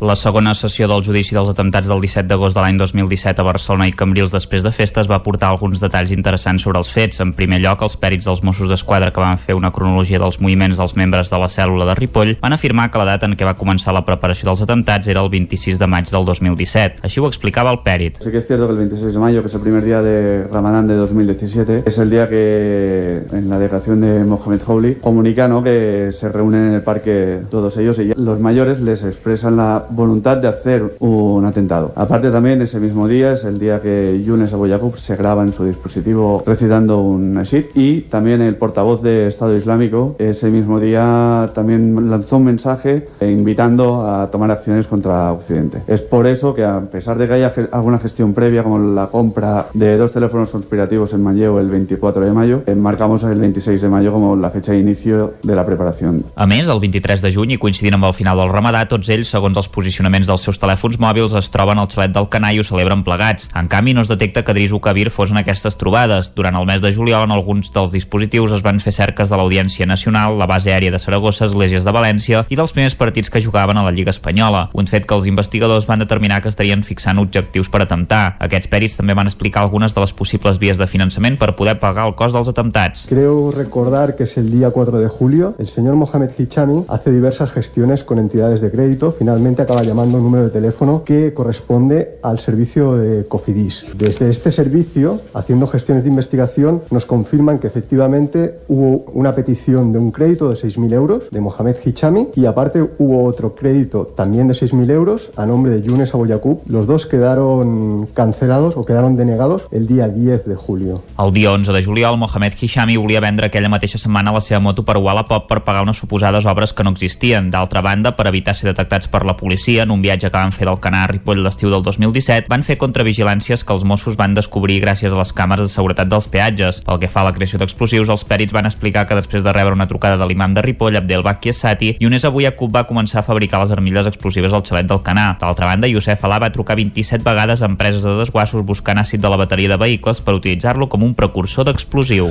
Revés judicial per l'Ajuntament de Llinars del Vallès que el 21 de gener de 2020 va assumir la gestió de l'aigua que fins llavors havia tingut en concessió Sorea. David Oladell, de Ràdio Televisió, Cardedeu. Ara el jutjat contenciós administratiu 14 de Barcelona estima les demandes de l'empresa gestora de l'aigua que demanava que s'apliqués una sentència anterior que el consistori va recórrer i anul·la la resolució de l'Ajuntament en què va aprovar el canvi de gestió. Així, el jutjat requereix a l'Ajuntament que restitueixi a Sorea la gestió indirecta del Servei Municipal d'Abastament d'Aigua. De fet, el jutge considera que, tot i que l'Ajuntament argumenta que el retorn del servei a Sorea provocaria l'expulsió dels nous adjudicataris del servei, amb les conseqüències econòmiques evidents, el lletrat considera que precisament l'Ajuntament ha atorgat el servei als nous adjudicataris en contra del que es preveia a l'auto d'adopció de la mesura cautelar. A més, considera que retornar el servei a Sorea no és irreversible, de manera que si el recurs d'apel·lació que l'Ajuntament ha dut al Tribunal Superior de Justícia de Catalunya és estimat, es podrà revertir. De fet, l'Ajuntament demana que si s'hagués de tornar a Sorea el servei, assumeixin el cost que han tingut les actuals adjudicatàries fins a dia d'avui i els treballadors. La decisió del jutjat contenciós encara podria ser recorreguda per mitjà d'un recurs d'apel·lació. L'associació Sant Tomàs atendrà els usuaris del Voltreganès sense que aquests s'hagin de continuar desplaçant. L'Ajuntament de Sant Hipòlit ha cedit a l'entitat l'antiga llar de jubilats. L'acord de col·laboració entre les dues parts, que es va signar dijous, permetrà als usuaris de Sant Tomàs que viuen al Voltreganès i que ara havien de desplaçar-se als centres de Manlleu o Callatenes puguin ser atesos al costat de casa. Un acord que va en la línia d'apropar el servei a les persones, així ho explicava Ricard Aceves, director general de Sant Tomàs. És a dir, fem una aposta per la proximitat per tal de que eh, les persones s'hagin de desplaçar el mínim possible del seu domicili habitual. Per tant, estem passant de centres grans a centres més petits i més propers a les persones amb una descentralització arreu de la comarca d'Osona. Per ara s'utilitzarà la planta baixa del local que té una aula d'informàtica, jardí exterior i pistes de petanca. En aquest espai s'hi podran atendre persones del centre ocupacional i del Club Car. En el conveni, l'Ajuntament de Sant Hipòlit també es compromet a estudiar en els propers 18 mesos la viabilitat de fer un centre residencial per a 12 persones a la primera planta de l'edifici. Gerard Sancho, alcalde de Sant Hipòlit de Voltregà. Uh, hi ha tres coses importants uh, d'aquest conveni, que és la primera aquest centre ocupacional, la segona és que obrim la porta al, al CAR, al Club CAR perquè pugui disposar de les instal·lacions per, per dur la pràctica esportiva i el tercer és un annex d'aquest conveni en el que ens proposem estudiar en els 18 propers mesos la viabilitat de, de dur a la planta superior de, de la llar un centre residencial uh, de 12 places. L'associació Sant Tomàs podrà fer ús de l'espai a partir de la setmana, de Setmana Santa quan s'hagin enllestit les obres per adaptar els lavabos de la planta baixa de l'edifici. La policia local de Manlleu va identificar una desena de persones que estava celebrant una festa en un traster del carrer Periques. Els agents van rebre una trucada d'un veí a les 6 de la tarda dissabte 9 de gener alertant que en un punt de la ciutat s'hi estaven incomplint les restriccions pel coronavirus. La policia va identificar els joves i van comprovar que 6 eren menors d'edat. Se'ls va sancionar per incomplir les restriccions aplicades a motiu de la Covid-19 que delimita 6 les trobades. A, la, a part de la denúncia que tramitarà el Departament de Salut de la Generalitat, es va informar als pares dels 6 menors. Accions com aquesta comporten sancions lleus que van dels 100 als 3.000 euros. Durant l'últim trimestre a Manlleu, la policia va aixecar 265 actes per presumptes infraccions de les mesures de prevenció i contenció sanitàries per fer front a la pandèmia. Sant Feliu de Codines compta amb una data de campanya per donar sang. El dia assenyalat serà el pròxim dimarts 26 de gener al Centre Cívic La Fonteta. Des del consistori destaquen que a diferència del que era habitual per poder donar sang s'ha de demanar cita prèvia. Caral Campàs des d'Ona Codinenca. Dimarts 26 de gener, al matí de 10 a 2 i a la tarda de 5 a 9, el Centre Cívic La Fonteta acollirà una nova campanya de donació de sang. En aquesta ocasió cal reservar cita prèvia per tal de poder garantir unes donacions segures. Des de l'Ajuntament Codinenc recorden que és imprescindible portar mascareta, mantenir la distància de seguretat i una correcta higiene de mans. Sentim la regidora de Salut, Laia Jordana. Per eh, poder donar sang en situació de pandèmia uh, s'ha de, de demanar cita prèvia a la pàgina web donasang.gencat.cat que, que ja bueno, esculls quin municipi vols donar, que en aquest cas seria Sant Feliu de Codines, i l'horari que et vagi millor. Has d'anar allà amb mascareta, sobretot, i bueno, les infermeres ja t'indiquen una miqueta com has de fer-ho. El màxim de temps que s'està trigant és mitja hora, és el que de sempre, anar comptant entrada, la criba i la donació. La situació excepcional d'aquest 2020 ha fet que les necessitats de sang siguin altes amb la represa d'intervencions ajornades durant l'inici de la pandèmia.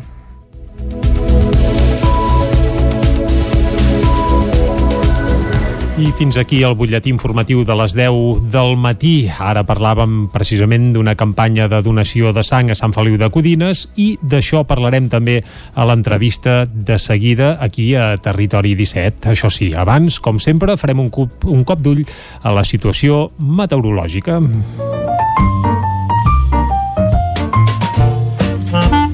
Casa Terradellos us ofereix el temps. I per parlar del temps, saber el temps que ens espera per avui, també per els propers dies, el que fem és saludar altra vegada el Pep Acosta. Molt bon dia, Pep. Hola, molt bon dia. Molt bona Què hora. tal esteu? Anar fent, anar fent. Heu vist que no fan falta tantes capes de, de noracs, de, de bufandes, poder alguna cosa sobre aquest matí. De cara a migdia, es anirà tapant, cada vegada més tapat. Més núvols, eh, seran més importants, però poca precipitació. On més plourà cap al Pirineu, cota neu, 1.200-1.300 metres. Nevada tímida, eh? No us penseu que serà la nevada de la setmana, de, de, perdó, de, de, del mes o l'any, ni molt menys. Serà una nevada molt, molt, molt poc important.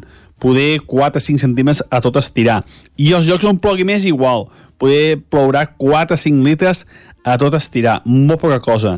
Aquest front per això també farà que les temperatures màximes no pugin tant. Ahir en tenir valors de 15-16 graus a les zones més càlides de les nostres comarques. Avui es quedaran per sota. 10, 11, 12, hi haurà moltes menys estones de sol, per tant fa que la temperatura baixi. Hi haurà molt menys contrast entre el dia i la nit.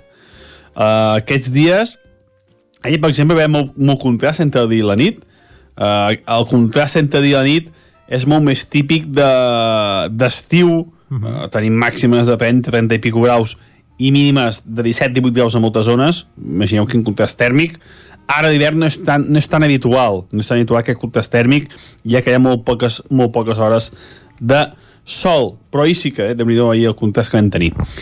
Uh, com deia, aquest front que ens va passant avui, i uh -huh. aquest obrirà les portes, obrirà les portes aquesta circulació de vents d'oest que ens aniran portant fronts durant els pròxims dies. La majoria, com aquest, de tercera, quarta categoria, però jo en veig algun poder de segona, de cara a divendres i l'inici de setmana que ve pot haver algun front una mica més interessant, una mica més actiu. Moltes gràcies per l'atenció, fins aviat, adeu. Doncs vinga, Pep, moltes gràcies i estarem al cas d'aquests fronts que es van atensant i aviam, si algun és de segona categoria, com diu el Pep, evidentment esperem que cap sigui de primera. Fa un any teníem el Glòria, que aquest devia ser de categoria extraordinària, o no sé com l'hauríem de qualificar, però, però bé, alguna, alguna remulladeta ja aniria bé, també. I Vicenç, eh, repassem una mica temperatures, eh? El Pep ens deia que aquest matí no ha fet tant de fred, I però en algun racó encara, encara es manté, eh? Encara ha glaçat. Eh, de fet, el que és, és notícia és que la majoria del territori no glaci uh Mhm. -huh. en aquesta època de l'any. Si anem a repassar temperatures mínimes, doncs hauríem de començar per allà on ho vam fer també ahir, perquè Sant Sadurní d'Usormort continua sent la població on la temperatura és més baixa, on la mínima és més baixa i avui ha arribat a 3 graus i mig sota zero. Déu-n'hi-do. I tant.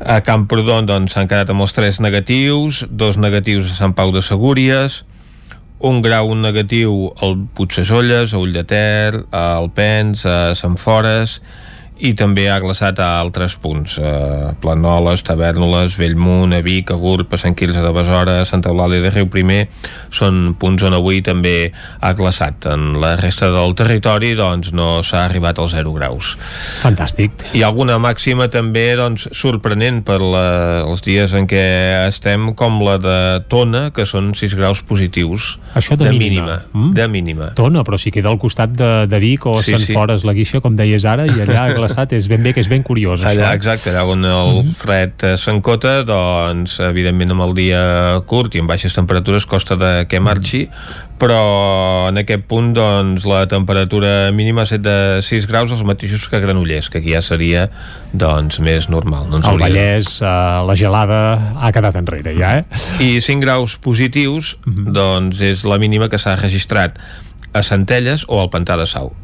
Fantàstic. Punts Doncs- molt diferenciats, Uh, Vicenç, faci fred o faci calor, sempre és un bon moment per donar sang, eh, que I sí? tant. Doncs va, uh, d'això parlarem de seguida a l'entrevista. Anem-hi? Molt bé, anem-hi. Doncs va, un breu separador, re, mig minut, i de seguida parlem d'una campanya de donació de sang que es farà a Sant Feliu de Codines. Fins ara mateix. Casa Tarradellas us ha ofert aquest espai.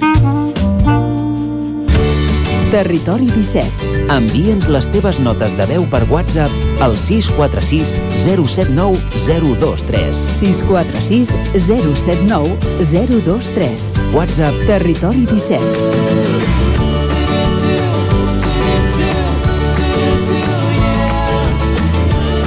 Territori 17. Som a Facebook, Twitter i Instagram amb l'usuari Territori 17.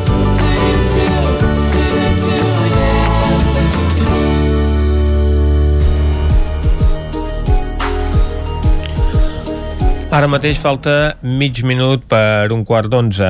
Arran de la pandèmia, la donació de sang s'ha convertit en imprescindible per garantir tots els tractaments als hospitals. Per això, a més de la donació a tots els centres hospitalaris amb espais de donació de sang, aquests dies està organitzant un gran volum de campanyes setmanals a poblacions arreu de Catalunya perquè la gent pugui anar a les col·lectes que tinguin més properes. En parlem amb la Caral Campàs des d'Ona Codinenca. Bon dia, Caral. Bon dia, Vicenç. Tal com hem comentat al butlletí, a Sant Feliu de Codines el pròxim dia 26 es podrà anar a donar sang al Centre Cívic La Fonteta. I per parlar-ne tenim al telèfon a Anna Albert del Banc de Sang, que és responsable de la campanya a Sant Feliu. Uh, bon dia, Anna. Hola, bon dia. Abans d'entrar concretament amb Sant Feliu de Codines, mm, ens pots explicar l'objectiu d'aquesta campanya que, que heu iniciat? Perquè tenim entès que les reserves de sang estan a un nivell més baix del que és habitual en aquesta època. En aquesta època de l'any arrosseguem la, les reserves més baixetes que corresponen a les donacions que no s'han fet durant el Nadal i els principis del mes de gener. Habitualment baixen al voltant d'un 25% i ara, tot i que hem fet la marató, que quan vam iniciar l'any estàvem per, em teníem sang per uns 5 dies, hem aconseguit remuntar i tenir sang per uns 8 dies, l'ideal ideal seria tenir sang per 10 dies. És per això que estem intentant eh, pues, mantenir i augmentar aquestes donacions per tenir aquest estoc més estable i que no baixem de les 800.000 donacions diàries necessàries a Catalunya. Perquè el, els malalts de Covid poden necessitar també recursos al banc de sang? Ara que n'hi ha Sí, tants, ja. lamentablement, doncs, ingressats, que tornem a tenir doncs, les UCI al límit, no sé si també això tensiona el banc de sang. De fet, en uh, altres tipus de, de diagnòstics, en els malalts de Covid també necessiten de transfusions de sang. L'any passat un 15% de les transfusions van ser per malalts de Covid, llavors necessitem pues, un cop més pues, que la solidaritat de la gent i l'altruisme de la gent per poder cobrir aquestes necessitats. A nivell global, quin número de donacions necessitaríeu per estar a un bon nivell de reserves? Perquè parlaves d'aquests 10 dies, no? sang per 10 dies, però això quin, quin volum de donacions representa? Pues, com us comentava, hauríem de tenir entre 800 i 1.000 donacions diàries. I a vegades pues, no arribem a, aquesta, a aquest número de resposta. Per això en, nosaltres sempre recordem a la gent que podem donar sang quan tenim ja a partir dels 18 anys i fins als 70 anys, quan hi ha un pes mínim de 50 quilos, no ha d'haver-hi altres patologies associades, però sempre a vegades tenim dubtes sobre medicacions, sobre malalties, i és preferible apropar-se a una campanya de donació de sang o bé posar-se en contacte amb el banc de sang per consultar-lo amb algun dels nostres metges que valorarà sense perjudicar el donant si pot o no pot donar sang. Quins efectes ha tingut la pandèmia en les eh, donacions de sang i en els nivells de reserves. Ens parlaves doncs, que hi ha hagut un 15% d'aquests recursos que s'han hagut de destinar a malalts de Covid, però, per exemple, el fet de que doncs, s'hagin produït aquestes successives etapes de confinament que fa que la gent doncs, no pugui sortir, segurament hem vist, de fet, les estadístiques són així, que la sinistralitat és eh, menor, també doncs, que eh, alguns dels centres hospitalaris, la majoria han hagut de eh, congelar cancel·lar moltes de les activitats hospitalàries que tenien previstes, per tant no hi ha hagut tantes intervencions. No sé si això, tot plegat, doncs, ha tingut eh, molts efectes en el dia a dia del funcionament del banc de sang i si l'any que ara hem tancat, el 2020, doncs, ha estat molt diferent als anteriors. Penseu que, tot i que l'activitat quirúrgica eh, potser ha minvat una miqueta, no han minvat els tractaments que necessitaven i requerien de transfusions de sang respecte a les restriccions, la ciutadania ha respost molt bé, malgrat les dificultats de mobilitat. Recordeu que la donació és una activitat essencial i de fet m'agradaria comentar-ho perquè a vegades quan fem campanyes en diferents municipis, ara per exemple a Sant Feliu la setmana vinent, es pot anar a donar sang, eh, encara que sigui d'un altre municipi, perquè l'important és que duguis el teu justificant de la reserva, ara en parlarem, uh -huh. de que recordeu que cal demanar hora per anar a donar sang i aquest justificant que nosaltres enviem al donant amb la seva reserva d'hora és aquest justificant serveix per aquesta mobilitat entre diferents municipis. Mm -hmm. Mm -hmm precisament entrant ara a Sant Feliu, com bé deies, el dia de les donacions és dimarts vinent i ara comentaves els passos que s'han de seguir les persones que s'animin a donar sang tant gent de Sant Feliu com d'altres poblacions. Deies que s'ha de fer aquesta reserva. Ens pots detallar una mica sí. més el procediment? Mira, us demanaríem, si us plau, a les persones que siguin interessades en donar sang, han d'entrar a la nostra pàgina web, és donarsang.gencat.cat, i busquen en el calendari de recollides, poden buscar la població, o bé hi ha un cercador també, Sant Feliu de Codines. En allà, just ja fa una estoneta he mirat i hi havia encara molt poquetes reserves, poden reservar per franges horàries de cada 30 minuts, n'hi han disponibles 7 lliteres. Llavors ells poden reservar la franja horària que els hi vagi millor, a l'hora en punt o a quarts d'hora. En aquells moments se reservaran amb el seu nom, el seu telèfon i un correu electrònic on rebran aquesta confirmació de que tenen l'hora reservada important per aquell dia, no venien de jo. Han d'esmorzar, tampoc cal eh, sobrealimentar-se ni atipar-se per venir a donar sang. S'ha d'esmorzar o s'ha de dinar el que habitualment fem.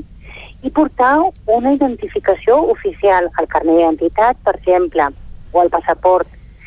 Amb aquesta citació han de venir a donar sang. Nosaltres els hi facilitarem una mascareta i també alcohol gel per quan vinguin a donar sang.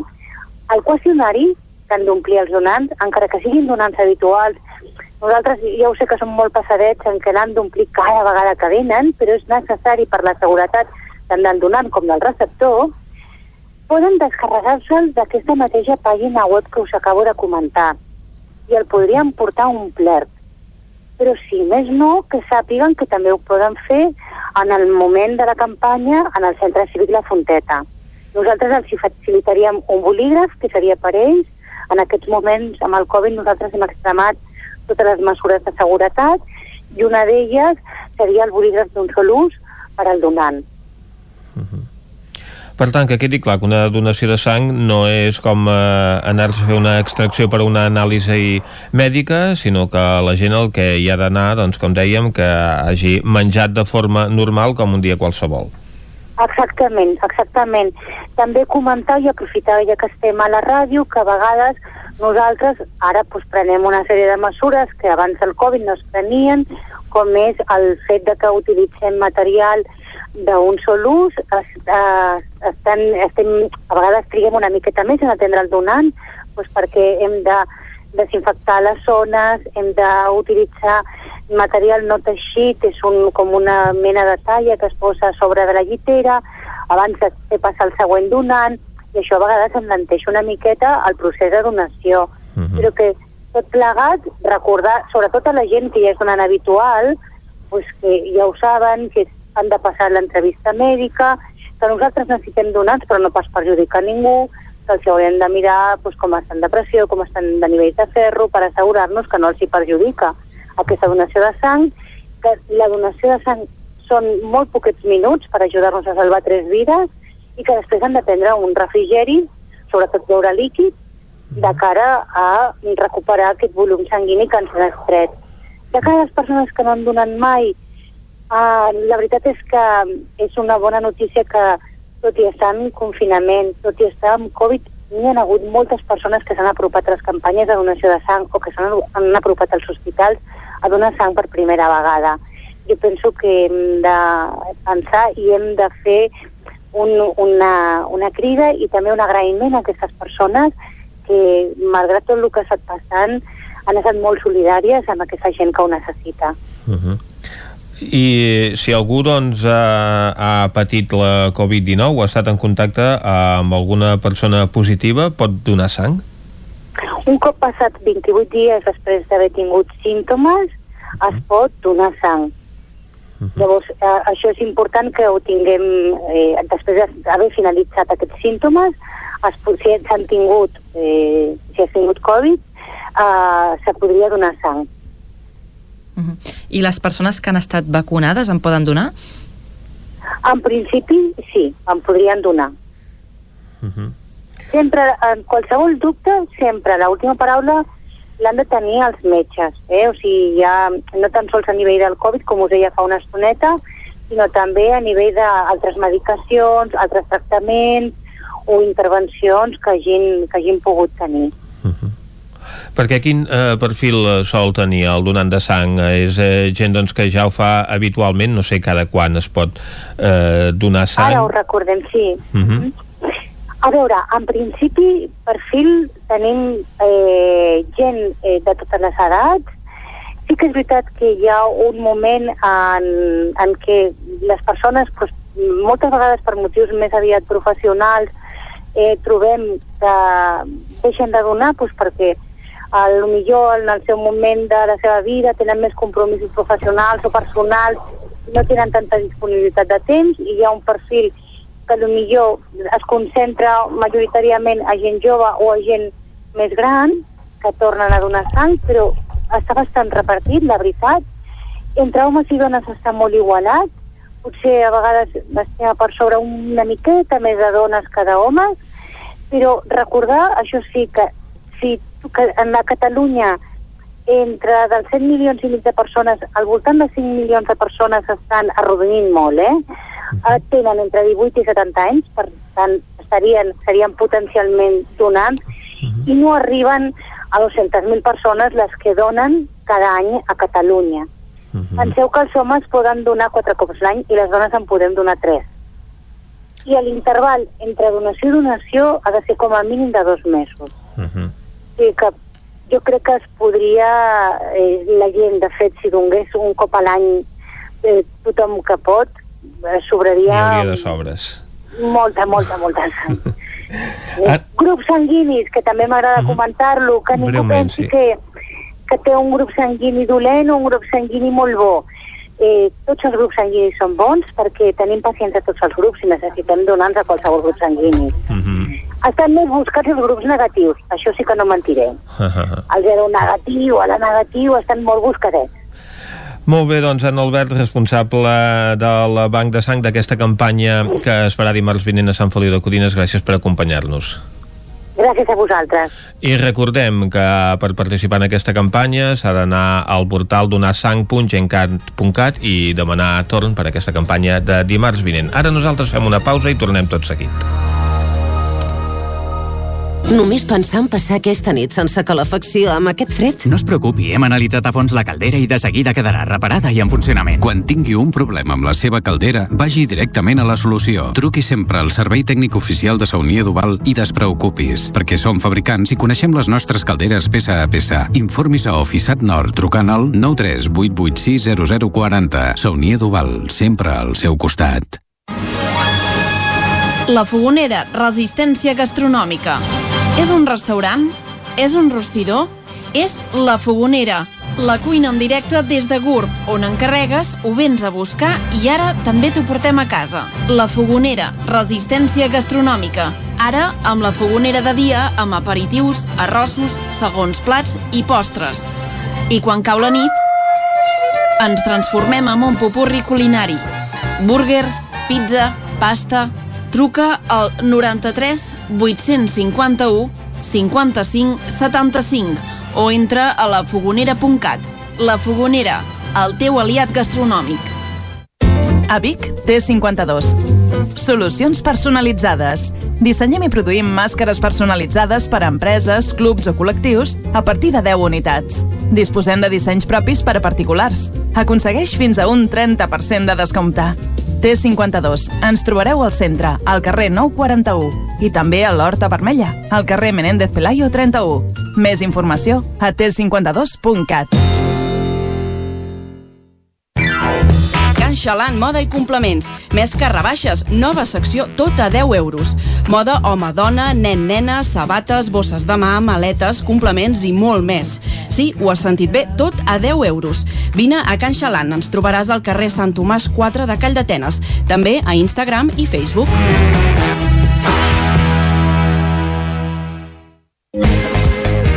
C Cosmètics, el vostre distribuïdor de perruqueria i cosmètica bio de la comarca, us agraeix la confiança de tots aquests anys i us convida a visitar la nova botiga online www.ccosmetics.net us obsequiem amb un 10% de descompte en la vostra primera compra.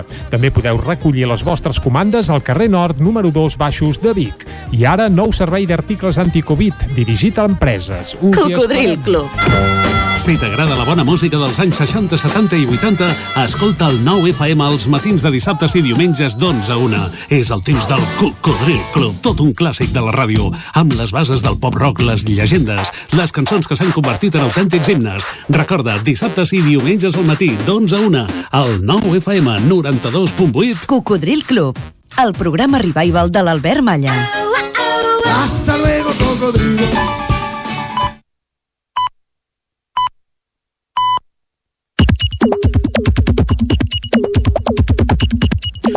Quan arriben dos quarts onze sempre tenim aquí l'Isaac Moreno a punt per llegir-nos l'actualitat a Twitter. Sempre, sempre, sempre, sempre que podem. Ah, sempre, sempre que podem.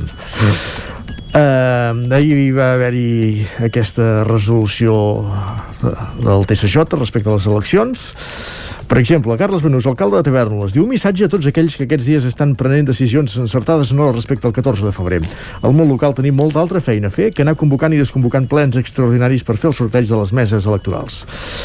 Aquesta era una primera piolada que feia en Benús, però després, com que no era l'únic alcalde que, que protestava, n'hi havia d'altres, per exemple, Pep Coma, de Molló. De Molló. Quin desgavell jurídic, suspensió de plens per elegir membres me de meses electorals. Ara tornem a convocar per no, saber si el procés quedarà aturat d'aquí uns dies.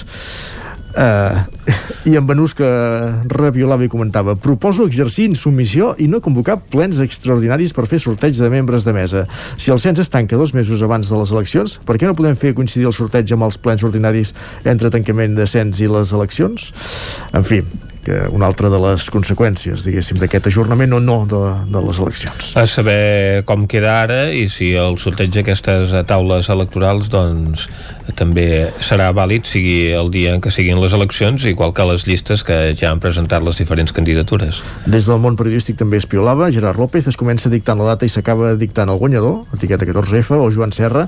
El decret de suspensió del 14F el van presentar i avalar Aragonès i Budó, veus dels dos socis del govern, tots dos. Quina diferència hi ha amb els decrets d'Euskadi i Galícia? Tots deixaven sense efecte les eleccions. A Catalunya, però, el govern no té president ni pes polític.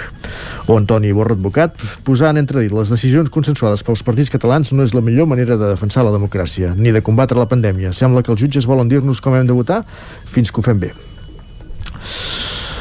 Uh, més missatges, més piulades uh, Eduard Autonell uh, torrellonenc exiliat a Barcelona i quin plaer mirar qualsevol producte audiovisual en versió original també per respecte a la feina de guionistes, intèrprets, directors, sonodistes directores en fi, continuant el que comentàvem ahir del doblatge del Sasso. Exacte. Josep Lluís Garcia, trobo que Andorra és molt a prop. Podria marxar molt més lluny aquests youtubers. Bé, és que avui en dia, com que els youtubers també arriben a ingressar tants diners, doncs acaben fent com totes les fortunes, no? Buscar eh, millors condicions fiscals. Xavi Font també feia una piolada. Dies enrere també hi hagut un fil bastant semblant al respecte. Diu, mai sóc tan petós amb el cotxe com quan passo la ITV.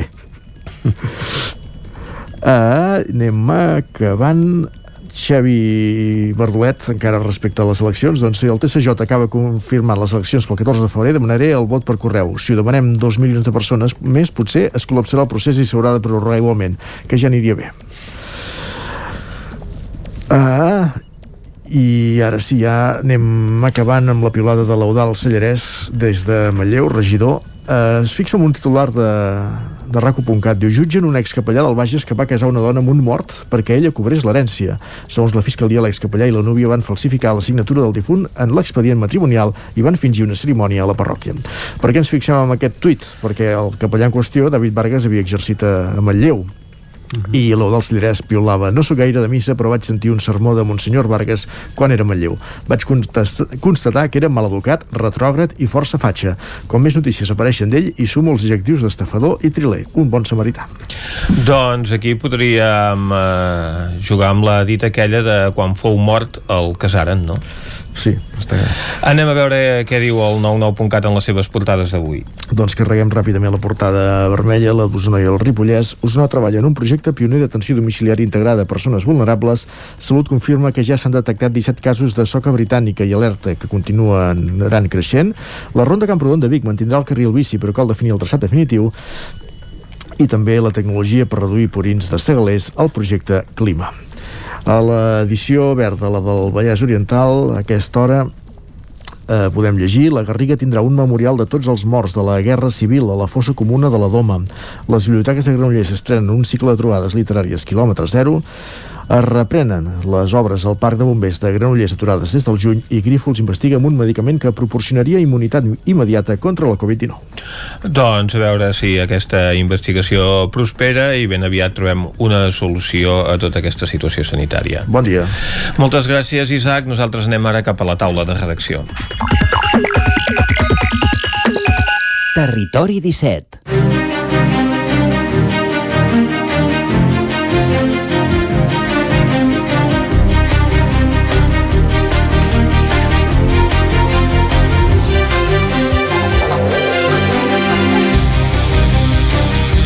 Avui a la taula de redacció tindrem a la Clàudia Dindrés i en Guillem Rico.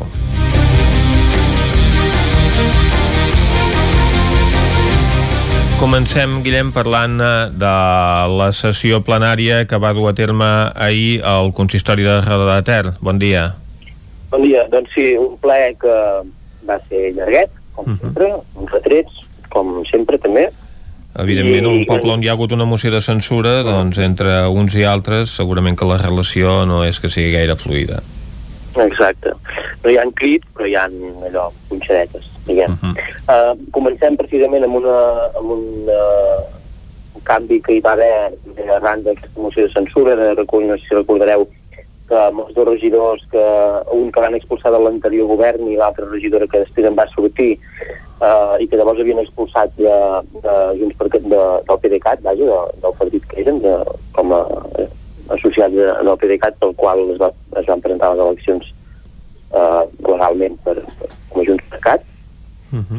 uh, recordem que Joan Moreno uh, va haver-hi una mesura cautelar que, que el, havien passat a ser tots dos no adscrits hi havia unes mesures cautelars després que van fer que Moreno tornés a ser a Junts per Catalunya, que es feia aquella dualitat de que hi havia un regidor a l'equip de govern l'altre a l'oposició i l'altre constava com a no escrita, ara en Marina Quintana, l'altra regidora, doncs ha passat el mateix. També s'han pres aquestes mesures cautelars, per tant, el grup de Junts per Catalunya tornen a formar les mateixes persones que el formaven després de les eleccions, com si no hagués passat res, uh, de forma cautelar, per tant, s'ho ha de veure un cop ja, si hi ha judici tot plegat, com acaba quedant. Però d'entrada, tots tres eh, regidors que van ser escollits per aquesta formació tornen a ser regidors eh, de Junts per Catalunya.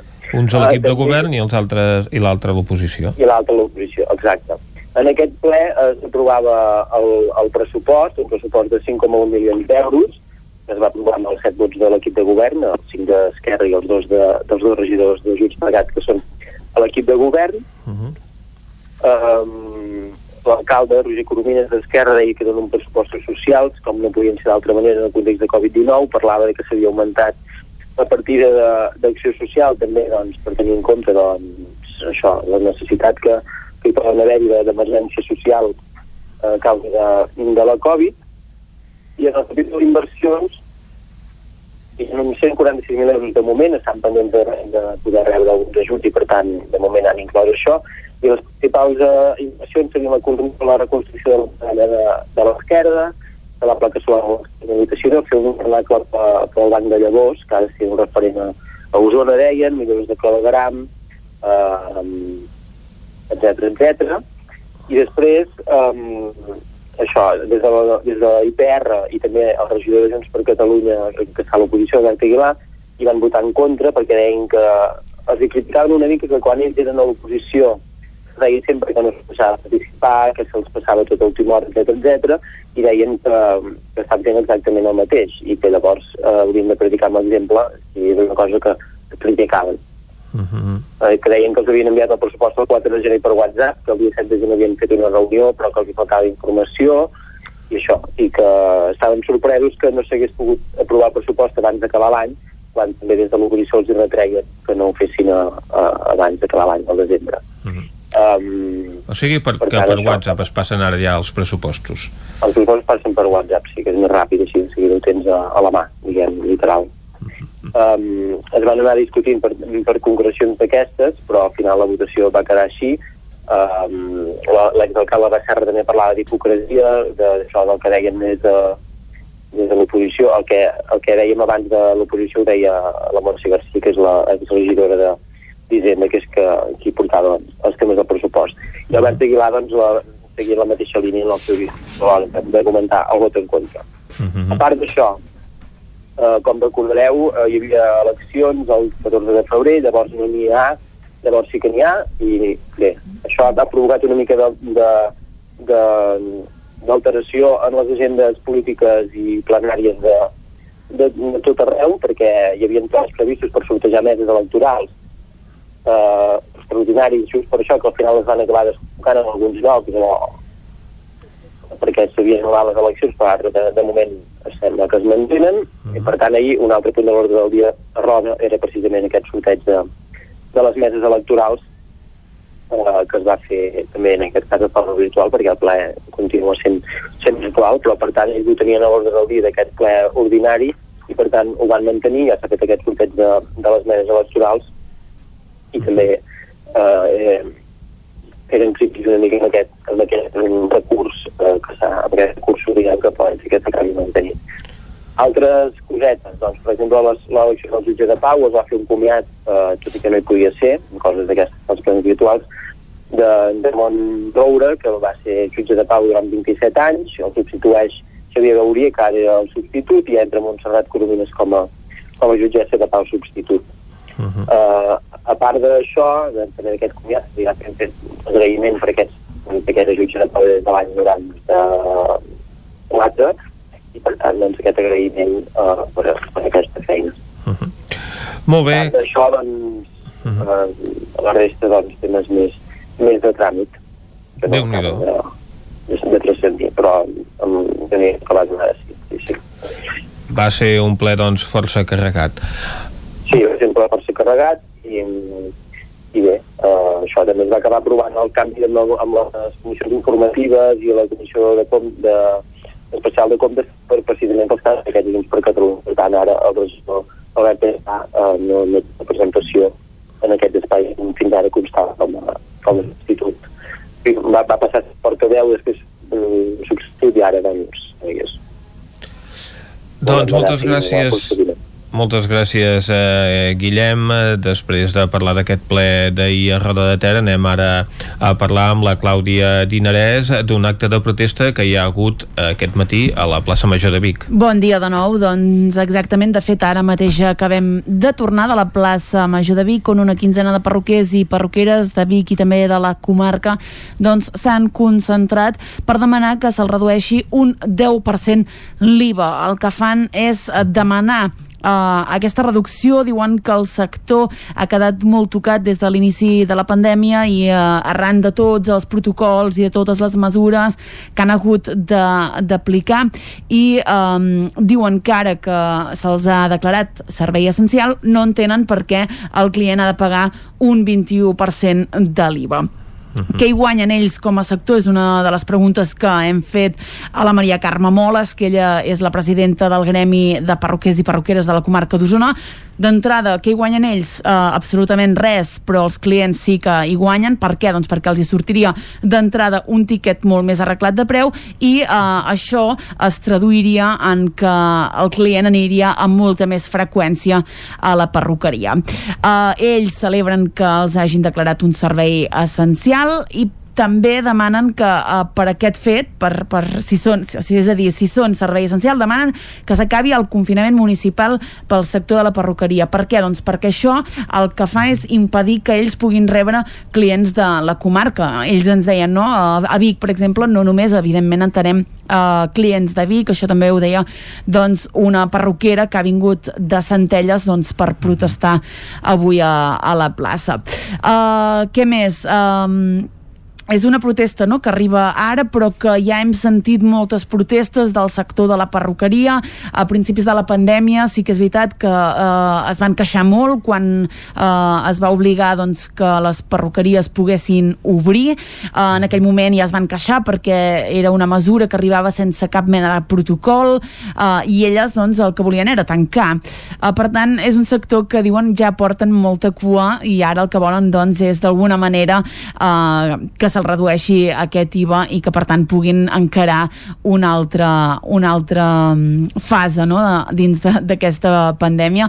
A més a més diuen que no només tallen els cabells sinó que el que fan és moltes altres coses, fan tractaments capilars inclús doncs, tractaments per persones doncs, que estan travessant malalties greus i importants i que han de poder anar a la perruqueria i que això per tant no ha de ser considerat un luxe o, o un privilegi.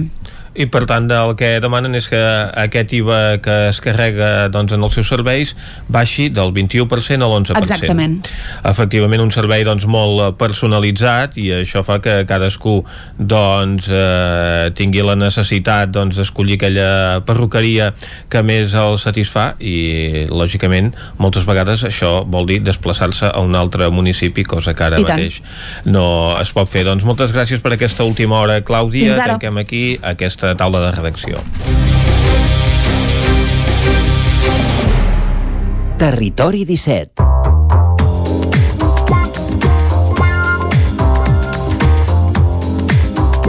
i quan passen 20 segons de 3 quarts d'11 del matí tanquem la taula de redacció i anem a parlar de literatura.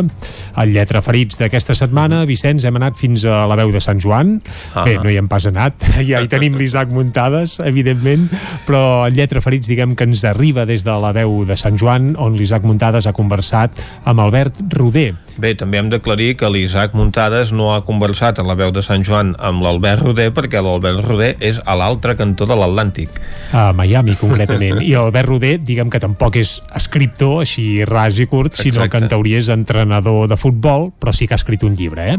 I tant. Per tant, el Lletra Ferits d'avui tindrà un caràcter una mica especial. Uh -huh. uh, Anem-hi? Doncs anem avui amb aquest Lletra Ferits amb caràcter esportiu. Doncs vinga, Isaac Muntades, molt bon dia. Bon dia i benvinguts al Lletra Ferits, que aquesta setmana us portem des de la veu de Sant Joan. Avui parlarem amb un ripollès de naixement i usonenc d'adopció, però viatjarem molt lluny, concretament fins a Miami, als Estats Units. Allà hi viu i treballa des de fa un any l'Albert Roder, de 33 anys, que és tècnic assistent de l'Inter de Miami, l'equip de nova creació de la Major Soccer League, que en el seu debut es va classificar pels play-off, tot i que va caure en el primer partit per culpa de tenir diversos jugadors de baixa pel coronavirus. Cal recordar que anteriorment Albert Roder havia estat a dos equips mexicans, com són el Pachuca i el Monterrey. Gràcies al temps lliure que ha tingut durant la pandèmia ha pogut escriure i finalment ha publicat el seu primer llibre, El procés de construcció d'un equip de futbol, la interrelació entre el model de joc i la periodització estructurada, i se l'ha autoditat a l'Etrame Grupo Editorial per tenir-ne un control total. Bon dia i moltes gràcies per atendre'ns, Albert. Hola, bon dia. Bon dia, gràcies a vosaltres. Abans de parlar del llibre, parlem un moment de la temporada futbolística als Estats Units. El projecte de David Beckham amb l'Inter de Miami en l'any de la seva estrena ha estat força notable. No sé com el valores.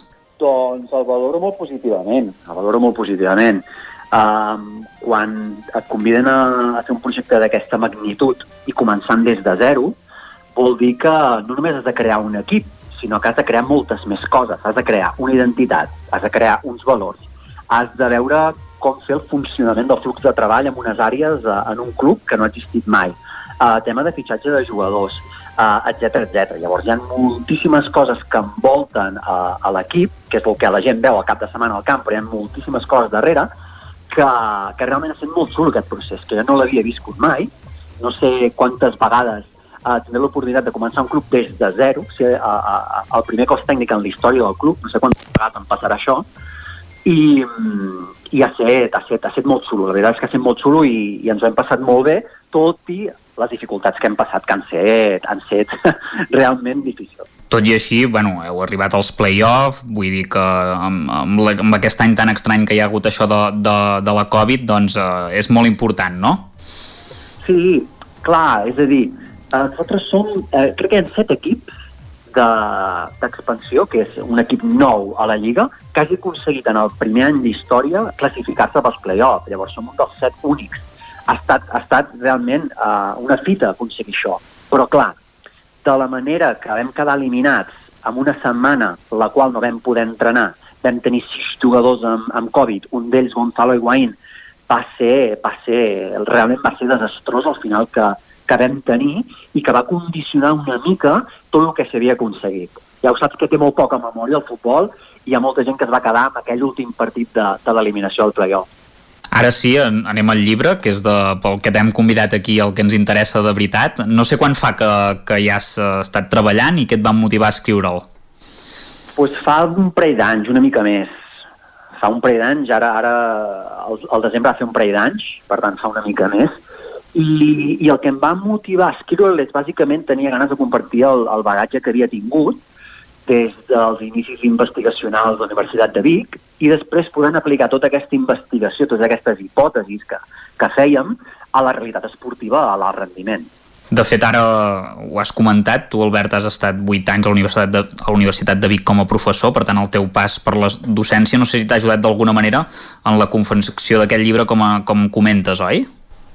Clar, totalment. Nosaltres vam fer moltíssima investigació sobre el futbol a la Universitat de Vic. A part de fer docència, m'encarregava de portar temes d'investigació i, i clar, en el moment que tu tens tantes hipòtesis i dius tinc l'oportunitat d'aplicar-les i de validar-les o no en un entorn d'alt rendiment, en un mundial de clubs, amb 7, 8, 10 jugadors que estaven a, a, al Mundial 2018, que són jugadors d'alta qualitat, llavors pots tenir un bagatge molt més proper al que és la realitat esportiva, que amb tot el respecte del món, a la Universitat de Vic les hipòtesis que fèiem doncs, es quedaven amb, amb, amb, amb una investigació no? sobre paper, però no podíem acabar-les de confirmar amb un entorn de, de, de, de realitat competitiva com és el de, el de rendiment. Per això també és important doncs, que tu eh, formis part d'un cos tècnic, no? per tant també amb això també t'ajuda no, ara?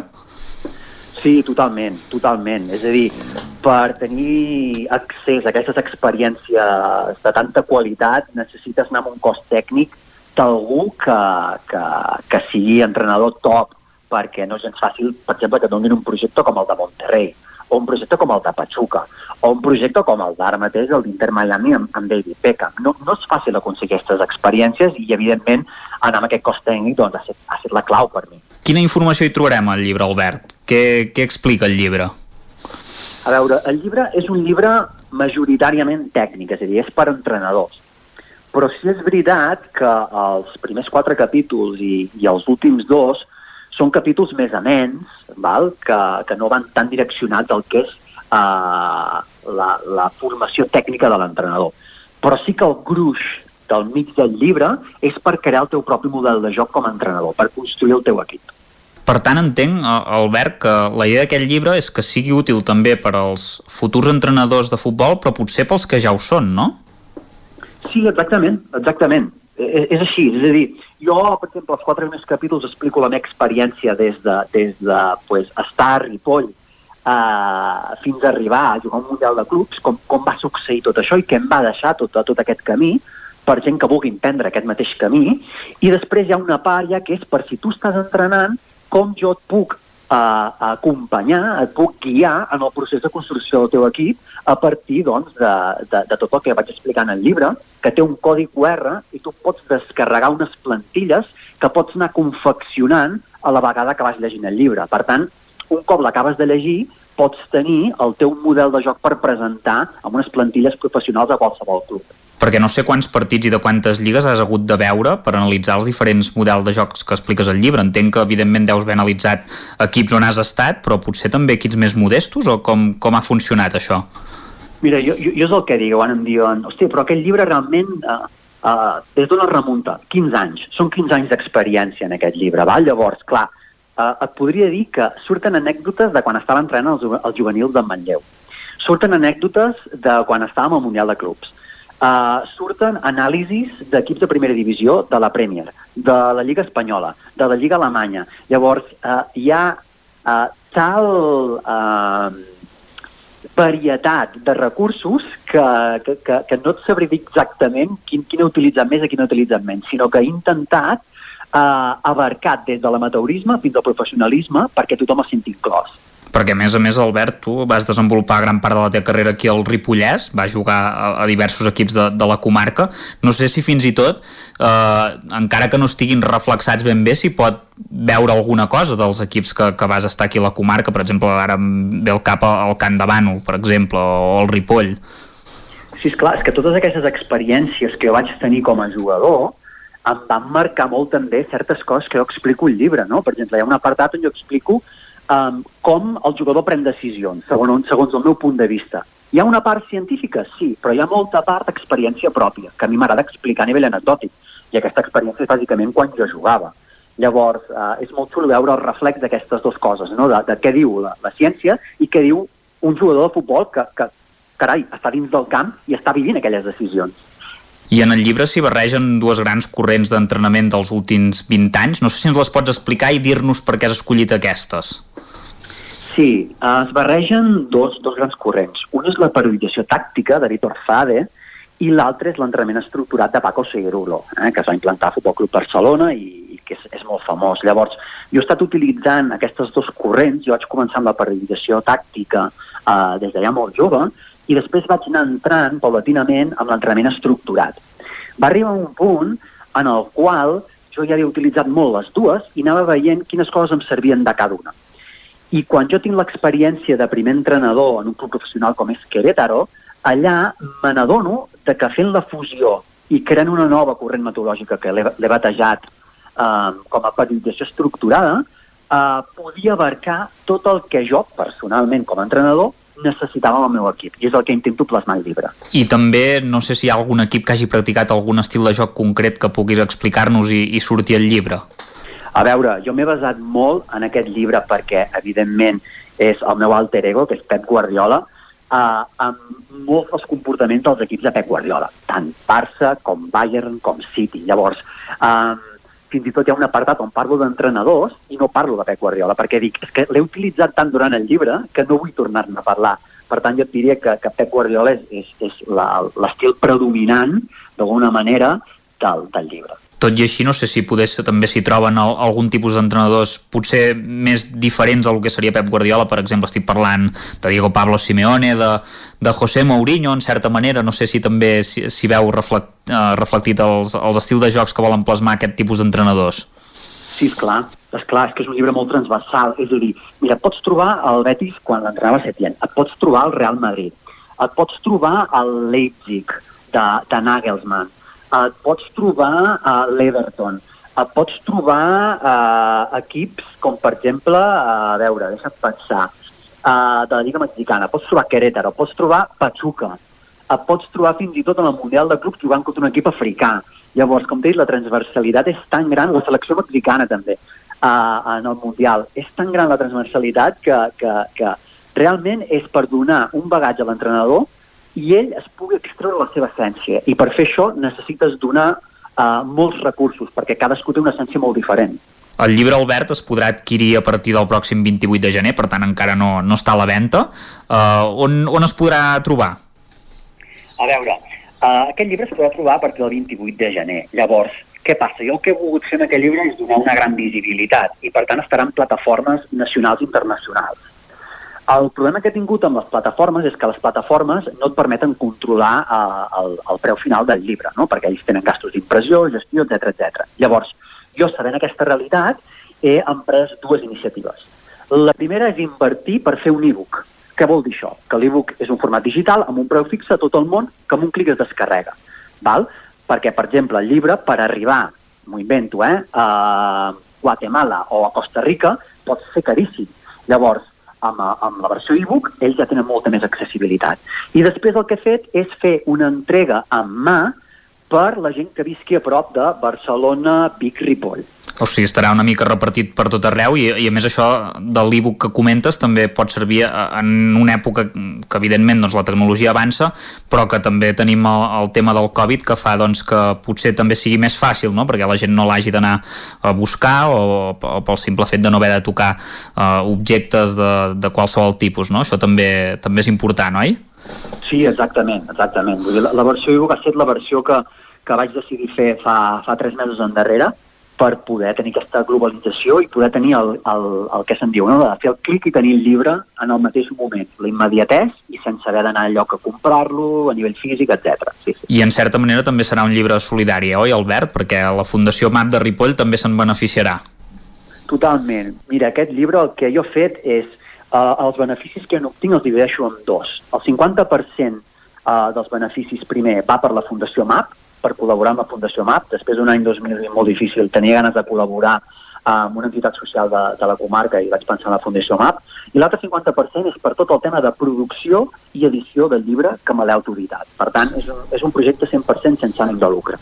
Doncs Albert, et desitgem sort de cara a l'inici de la Major Soccer League, que comença, si no vaig errat, el pròxim mes de març, corregeix-me si m'equivoco, i a reveure i moltes gràcies per haver estat amb nosaltres al Lletra Ferits d'avui. Albert Roder, autor del llibre El procés de construcció d'un equip de futbol, la interrelació entre el model de joc i la periodització estructurada. Fins a la propera, Albert. Moltíssimes gràcies a vosaltres. Fins la propera. Doncs déu nhi amb el subtítol d'aquest llibre, eh? Sí. El subtítol és més complicat, molt més complicat uh, que, el, que el títol. Uh, I bé, molta sort a l'Albert Roder, evidentment, amb la seva trajectòria al Miami de futbol, on ves que no hi acabi el Messi, tu. Bé, esperem que no. Va, tanquem aquí el Lletra Ferits i anem ara a parlar de notícies.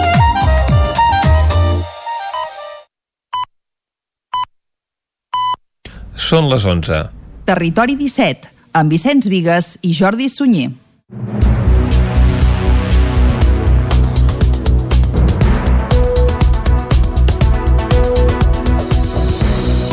I a les 11 en punt torna la informació de les nostres comarques, les comarques del Ripollès, Osona, el Moianès i el Vallès Oriental.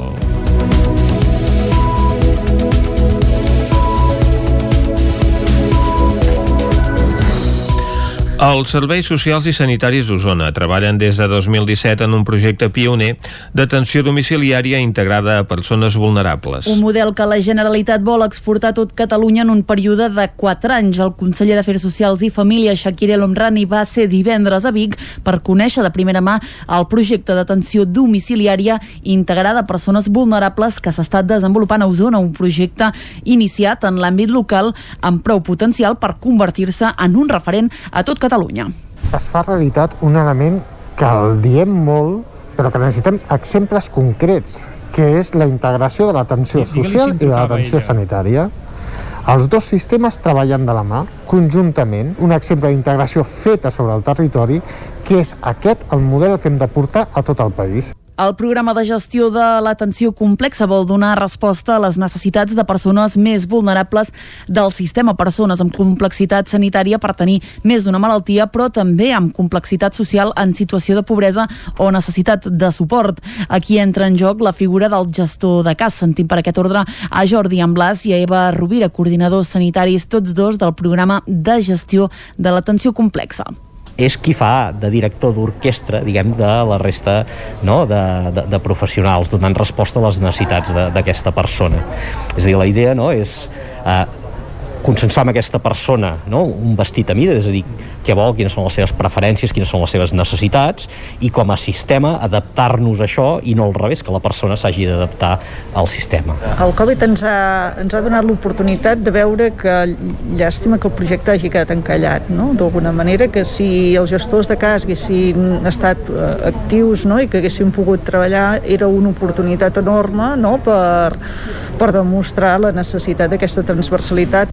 El programa es va començar a posar en pràctica amb una bossa de 15 pacients de Vic Nord i la intenció és que durant el 2021 es pugui ampliar tota la ciutat i que el 2022 i el 2023 s'estengui a tota la comarca. Sant Julià de Vilatorta ha homenatjat les víctimes de la Covid-19 al municipi i també les persones que han mort per altres motius des de l'inici de la pandèmia. Un boix grèvol que es plantava dissabte al migdia entre els carrers Miquel Martí Pol i Albereda recordava les víctimes de la Covid-19 a Sant Julià de Vilatorta i totes les persones que han mort al municipi durant la pandèmia per altres motius a qui no s'ha pogut fer un acte de comiat. També s'han volgut homenatjar les persones que estan a primera línia de la lluita contra el coronavirus. Joan Carles Rodríguez és l'alcalde de Sant Julià de Vilatorta una necessitat que té el poble d'expressar aquests moments que, que estem vivint. I aquí Sant Julià, i això ho haig de dir, eh, no és a iniciativa de l'Ajuntament, és a iniciativa de, del casal d'avis, del grup de voluntàries de, que ens van ajudar a fer mascaretes, de, de la gent del poble que ens demana de dir, ostres, fem un acte de record. I jo penso que ho necessitem, ho necessitem. Com a Ajuntament ho necessitem, com a poble ho necessitem, ho necessitem tots. El casal d'avis del poble encara està tancat i sense previsió de reobertura. Quan sigui possible reprendre l'activitat, el primer que faran, asseguren, serà un homenatge als companys que se n'han anat. Ho explicava aquest dissabte Maria Teresa Codony, presidenta del casal d'avis de Sant Julià.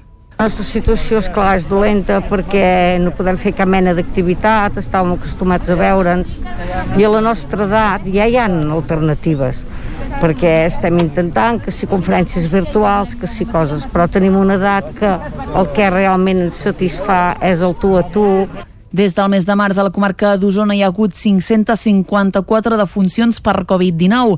A Sant Julià se n'han comptabilitzat 213 casos positius de coronavirus. El Tribunal Superior de Justícia de Catalunya ha decidit suspendre cautelarment el decret que convoca les eleccions pel 30 de maig i mantenir en vigor el que les convoca pel 14 de febrer. El Tribunal ha acceptat les mesures cautelaríssimes que demanava un dels recursos presentat per un particular. Altres recursos presentats també demanen la suspensió cautelar del decret mentre s'estudia el fons de la qüestió. Aquesta decisió no anticipa el posicionament final sobre el fons de l'assumpte. El Tribunal Superior de Justícia de Catalunya ho ha traslladat a la Generalitat i Fiscalia perquè presentin les seves al·legacions abans de dijous a les 10 del matí. Entre les entitats i partits que han presentat recurs hi ha la Lliga Democràtica Federalistes d'Esquerra vinculat al PSC, Izquierda en Positivo i Impulso Ciudadano. La decisió d'acceptar les mesures cautelaríssimes no anticipa anticipa el posicionament sobre el fons de l'assumpte tal com ha recordat el tribunal en un comunicat a més aquest dimarts. L'Associació per la Defensa i Estudi de la Natura, que treballa contra el quart cinturó, denuncia que ha caducat el termini per presentar l'estudi informatiu d'aquest projecte iniciat fa uns 30 anys. Caral Campàs, des d'Ona Codinenca. La tramitació ambiental lligada a l'estudi informatiu impulsat pel govern de l'Estat per la construcció del quart cinturó entre Granollers i Terrassa ha tornat a caducar, un fet que ja va passar l'any 2012 amb l'anterior procediment administratiu que s'havia impulsat per definir el traçat de l'històric projecte d'autovia orbital de Barcelona. Aquest dimarts, l'Associació per la Defensa i Estudi de la Natura ho ha donat a conèixer en una roda de premsa. Ja han presentat un escrit al Ministeri de Transició Energètica instant que reconegui la situació i esperen resposta en un termini de dos mesos. Sentim Toni Altaió, un dels portaveus de la campanya. No hi ha possibles vies d'escapatòria a aquesta caducitat de l'expedient. Què és el que vol dir això? Vol dir que en contra d'alguns rumors que havien aparegut en relació a aquest tram del quart cinturó, de que podia ser que durant aquest primer trimestre hi hagués el període d'informació pública de l'estudi informatiu, això ara és d'ara és impossible. Per tant, el Ministeri de Transports, abans Ministeri de Foment, no pot fer el procés d'informació pública de l'estudi informatiu que va licitar l'any 2016 i es va adjudicar l'any 2017 per un import de gairebé un milió d'euros. Isidre Soler és un altre dels integrants de la campanya. Si el Ministeri tirés endavant eh, o, o volgués fer el projecte sense tenint en compte que ha caducat l'estudi d'impacte ambiental, incorriria en un delicte penal. Aquest, aquest, I, per tant, com que ja vam fer una denúncia penal a l'any 2013, precisament pel mateix eh, tema, doncs, si tornés a passar el mateix, que volgués tirar endavant i no tenir en compte aquesta caducitat, tornaríem, com a campanya, tornaríem a, a, a, a denunciar Segons l'entitat, la caducitat de l'expedient vencia inicialment l'octubre de 2020. Amb tot, l'aturada dels tràmits legals per la situació d'estat d'alarma va fer-ho allargar fins a l'entorn de Nadal. A l'espera de la resposta del Ministeri de Transició Energètica, han demanat també als ajuntaments afectats pel projecte d'autovia orbital que també facin pressió. L'Ajuntament de Ripoll rehabilitarà l'edifici de la Torre i es farà un procés participatiu per decidir on s'ubica un espai de cures al barri de la carretera de Barcelona. Isaac Muntades, des de la veu de Sant Joan. A proposta de l'Alternativa per Ripoll CUP, en el darrer ple telemàtic de l'Ajuntament de Ripoll es va aprovar per unanimitat una moció per rehabilitar l'edifici de la Torre i fer un procés participatiu per decidir on es podria ubicar un espai de cures intergeneracional al barri de la carretera Barcelona. En principi, els copaires asseguraven que veient que calen espais d'atenció sociosanitària arran de la crisi del coronavirus, aquest edifici havia de tenir un ús en aquest sentit, ja fos de centre de dia per la gent gran o per una guarderia. El portaveu copaire Aitor Carmona defensava que la rehabilitació de la torre havia de ser prioritària. Es tracta d'un espai ideal per, per l'entorn on està, per als accessos, per l'ubicació de la carretera a Barcelona, no? per resoldre doncs, greuges històrics que tenim en aquest barri, que és el més poblat de la vila, perquè és un edifici singular i que, a més a més, doncs, això cal protegir i, per tant, és, és una obligació pràcticament de, de rehabilitar-lo. I perquè ja és de titularitat pública des del 2018, si no recordo malament. Carmona va dir que si l'estudi tècnic per dur a terme la rehabilitació es podia fer el 2021, doncs molt millor, però que entenien que els pressupostos ja estaven elaborats i que es podia esperar l'any vinent. Tots els grups polítics estaven d'acord amb rehabilitar l'edifici, però cap d'ells considerava que la torre fos el millor lloc per ubicar-hi un espai de cures i, per exemple, el regidor i cap de l'àrea de serveis al territori, Joaquim Colomer, va apostar per arribar a un consens i que fos la ciutadania que ho decidís en un procés participatiu. Una proposta que també va abanderar Esquerra Republicana de Catalunya, el PSC i la regidora no inscrita Sílvia Oriols i que la CUP va acceptar. Colomer explicava quin era el seu punt de vista. Com recordeu, doncs, els equipaments que hi havia en el POM doncs, ja hi ha unes, unes variacions i ara doncs, hem incorporat doncs, aquestes propietats doncs, a la zona de la Devesa del Pla. Recordem aquesta nau enorme que tenim en propietat d'Ajuntament de Ripoll, recordem també les naus petites que tenim en nom d'Ajuntament de Ripoll i per tant penso que aquí cal fer una feina més diguem exhaustiva o analitzant tots aquests inputs o totes aquestes propietats doncs, que, que té doncs, l'Ajuntament de Ripoll per intentar donar el millor ús de tots aquests. De fet, tant l'equip de govern de Junts per Ripoll com Esquerra creien que les naus de la Devesa del Pla eren molt millors per acollir aquest espai, ja que són edificis d'una sola planta i molt diàfans. Colomer va apuntar que aquell espai està tancat perimetralment per evitar intrusions i que se'n fa un manteniment perquè no es degradi. El talent show de Ràdio i Televisió de Cardedeu posa punt i final amb una gala plena de màgia el proper dissabte 23 de gener a les 9 del vespre. Una gala que es podrà veure en directe per RTV Cardedeu i per BOTV, també pel canal de YouTube i per rtbc.cat. David Auladell, de Ràdio Televisió Cardedeu.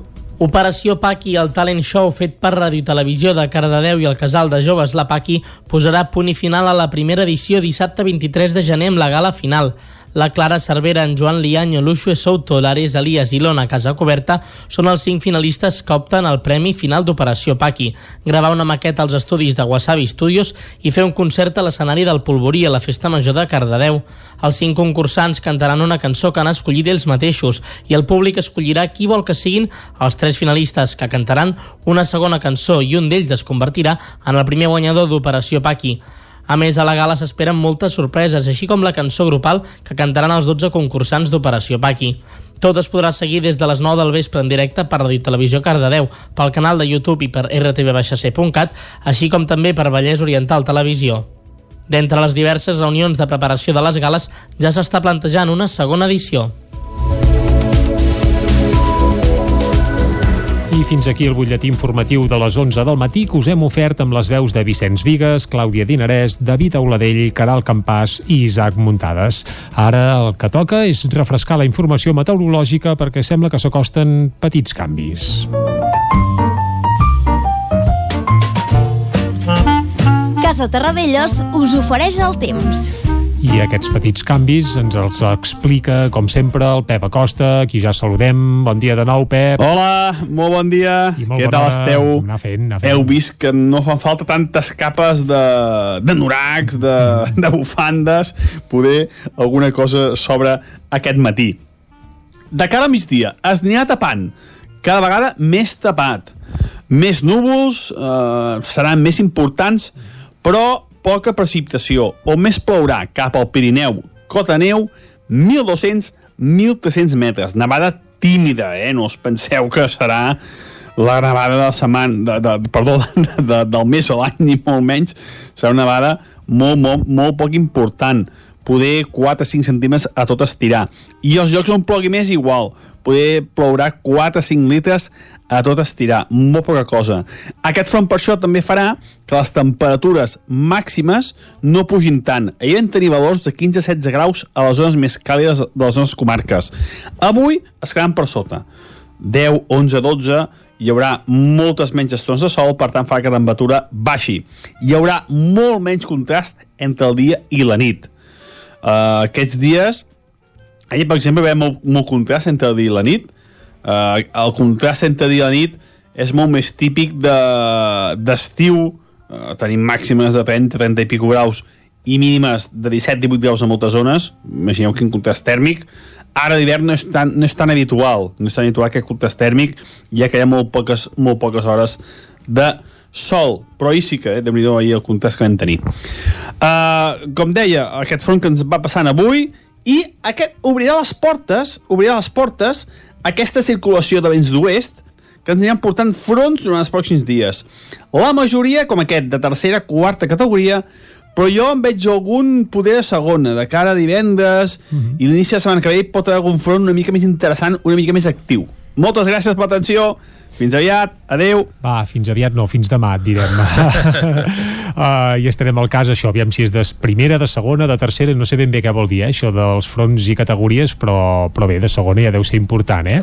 Segur que sí. Doncs va, això ho descobrirem demà i també divendres. Ara tanquem aquí la pàgina meteorològica i anirem al territori sostenible. Casa Tarradellas us ha ofert aquest espai. Territori 17. Envia'ns les teves notes de veu per WhatsApp al 646 079 023. 646 079 023. WhatsApp Territori 17.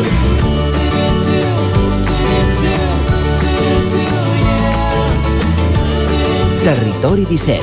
Som a Facebook, Twitter i Instagram amb l'usuari Territori 17.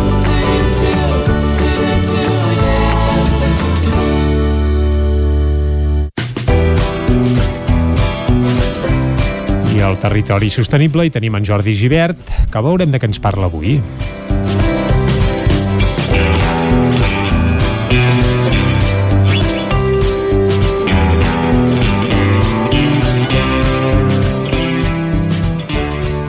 Avui ens hem acostat fins al Lluçanès per parlar en el territori sostenible d'aquesta setmana sobre una ruta que posa en valor els productors en ramaders, concretament la ruta de la llet.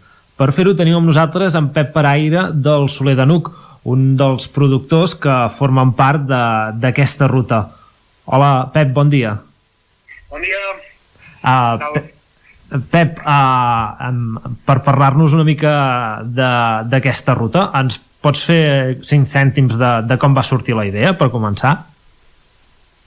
Bé, doncs des del Consorci del Lluçanès ja feia temps que s'havia parlat de fer, bueno, en fi, hi ha hagut moltes reunions de, del sector agroalimentari, productors, elaboradors i també, bueno, en fi, a ramaderia.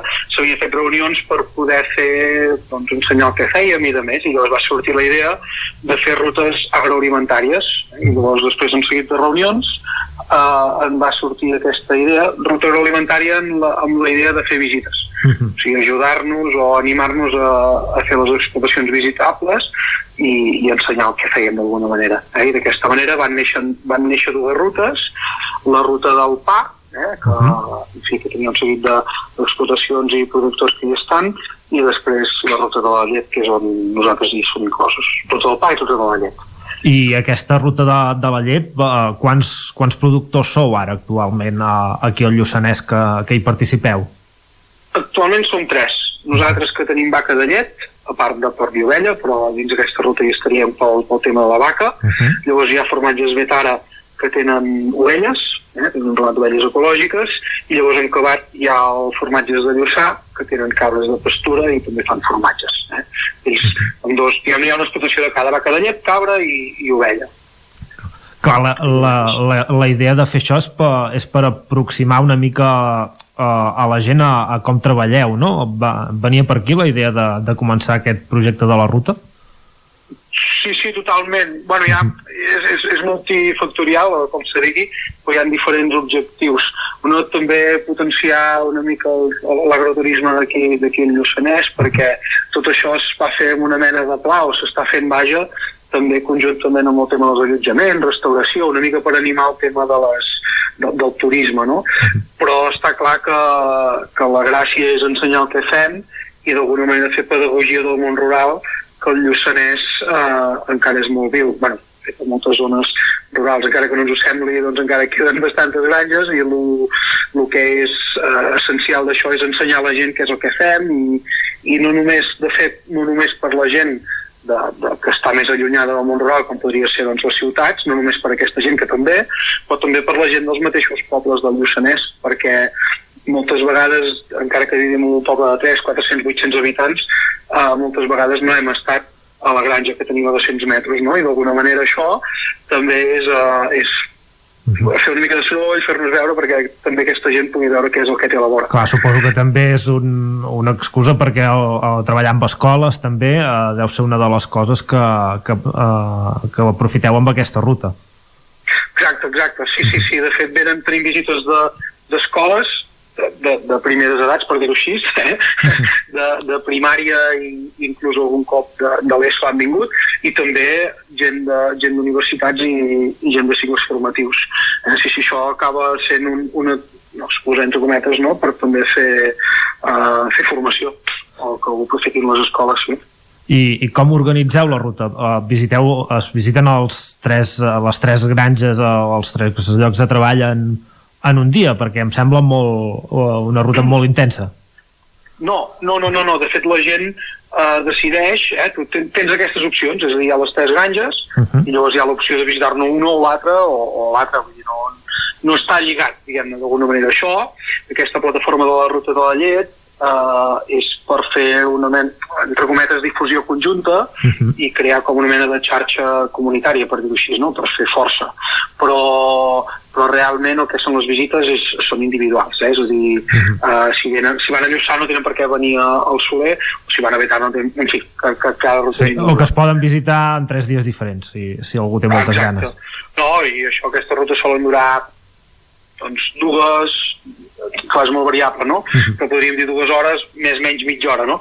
Llavors, per tant, si es volgués fer una bona sortida és al matí fer-ne hi ha gent que ve de, que ve de lluny, no? Al matí fer-ne una, dinar per aquí, i llavors en acabat, doncs, la tarda un altre, l'endemà, en fi, pots aprofitar per fer nit amb alguns dels allotjaments rurals que tenim, etc.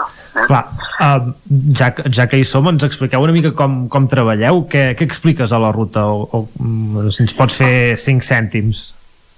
Bueno, bàsicament, la, la idea és explicar el dia a dia del, dels animals, eh, i això implica veure on, on viuen, eh, per tant, les instal·lacions, una mica quines són les, les activitats que duem a terme cada dia els, els, els ramaders per acostar diguem, el nostre, la nostra vida, no? per dir-ho així.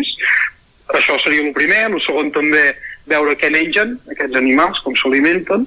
Llavors, per tant, ja comentem directament com d'on surt, és a dir, tots els camps. Per tant, la, la gent veu què es fa de tot això que, que, que cultivem a l'entorn. Uh -huh. I el tercer també seria una mica la, la vida de l'animal, eh? el, cicle, el cicle reproductiu, una mica els anys que tenen quan tenen la primera cria, eh, quants litres donen, en fi, una mica també la vida. Abans seria això, eh, com viuen, eh, el seu cicle reproductiu i llavors també com s'alimenta d'alguna manera. Mm -hmm. I llavors anem comentant una mica sobre terreny, sobre el terreny, eh, tot, tots, tots aquests aspectes. I, òbviament, demanen el que, el que volen la gent, està clar. Mm -hmm. Uh, després feu el, algun tast de, del producte o, o alguna, alguna activitat d'aquest estil? Sí, sí, sí, sí, acabem, normalment acabem les visites amb un tast, eh? per exemple, a Betara són, són productors de formatge, formatge de Lluçà també, clar, i nosaltres tenim, al tenir la carnisseria, perquè a part de vaca de llet doncs, tenim ovella i porc, el que fem en Cabac és un tast dels embotits que produïm nosaltres, encara que no sigui pròpiament de la, de la vaca de llet, no? però uh -huh. també tenim làctics que fan aquí a Sant Eulàlia amb la llet de casa, eh, postres de Sant Eulàlia, que, oh. sí que fa llegurs i altres tipus de postres i, i farim un tas d'aquest producte eh? per arrodonir una mica tot això eh? acaba sent doncs, un bon vermut o un, o un bon berenar que ja fa un temps que, que teniu en marxa aquesta ruta, com, com és la reacció de la, de la gent que us ve a, visitar? Uh, és bona la, la reacció? Sí, jo crec que sí. Bueno, de fet, uh, la veritat és que nosaltres, per exemple, també, perquè sempre hi ha molta feina, no? però el que és difusió i tot això a vegades ens costa, i la gent va venint, la gent va venint i, i més que tindríem si fessin més soroll, jo crec que la gent està contenta. Els, de, els que els són més lluny de l'entorn rural els sorprèn molt tot, no?, d'alguna manera, i, uh -huh. i per tant ja estan des del minut zero uh, hiperconnectats no?, amb, amb aquesta vida així és molt diferent i per tant s'il·lusionen molt i els que són de més a prop acaben descobrint també moltes coses que tenien a tocar i per tant crec que també és molt interessant. A més a més, d'alguna manera, això és, el perfil sol ser molt familiar, generalment, no? que venen amb, amb canalla, nens i nenes de, fins a de, de 3 a 12 anys, per dir alguna cosa, però també la veritat és que venen, això, quan venen escoles o venen gent que estan en cicles o universitats, està bé perquè també podem pujar una mica el nivell entre cometes i després també gent que en saben més que nosaltres fins i tot no, a nivell tècnic uh -huh. i, és, i, és, i és divertit, curiós perquè acabes t'acabes també adaptant al, al, al que una mica volen els, els que ens visiten jo crec que, bueno, suposo que és el que he de dir, no? Però sí. crec que la, la reacció la, crec que la reacció és bona de, de tothom. Mm -hmm. També, així doncs, també treballeu pel que veig amb, amb estudiants de, de cicles formatius relacionats amb el món de, de la ramaderia, de l'agricultura, l'alimentació. També us venen a visitar? Sí, sí, sí. De fet, any rere any. Eh? Jo, per exemple, el meu germà, l'Abel, que és una mica el que, el que porta realment l'explotació, va estudiar Quintanes, doncs cada any venen els de Quintanes a, a casa, que Quintanes és, una, és la, l'escola de formació professional d'aquí, sí, d'aquí Sant...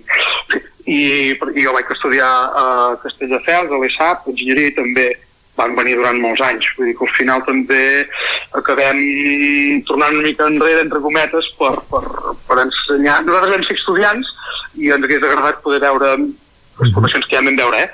doncs és una mica donar també als estudiants aquesta, aquesta possibilitat de veure una forma de fer. Eh?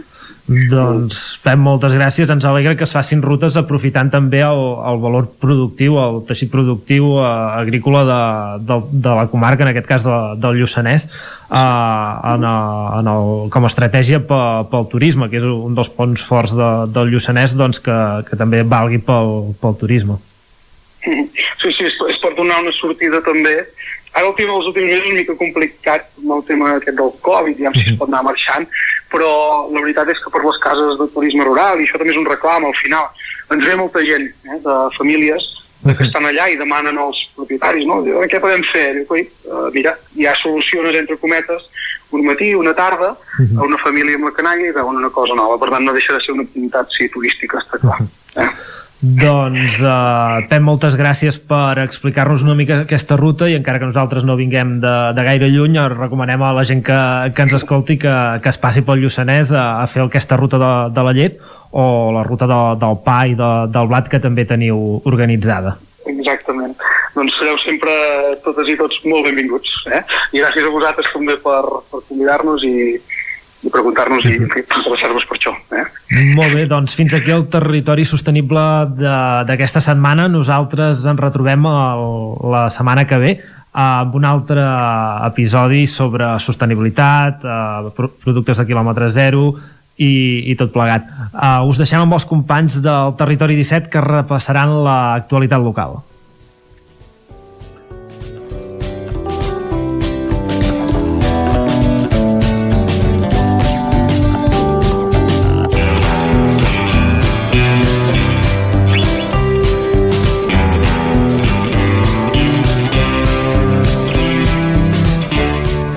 Vicenç, haurem d'anar un dia a fer la ruta de la llet. Eh, haurem d'anar al Lluçanès, sí senyor. Ah, Sempre és de bon anar. Exacte. Això sí, serà de bon anar-hi quan es pugui, perquè ara mateix recordem que continuem amb confinament municipal, eh?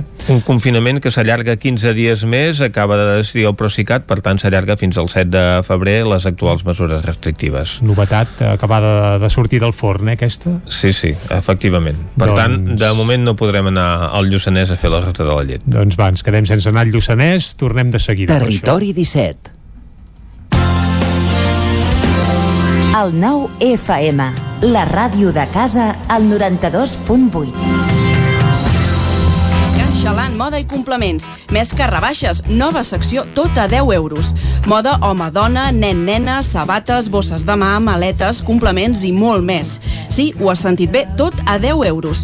Vine a Can Xalant, ens trobaràs al carrer Sant Tomàs 4 de Call d'Atenes. També a Instagram i Facebook.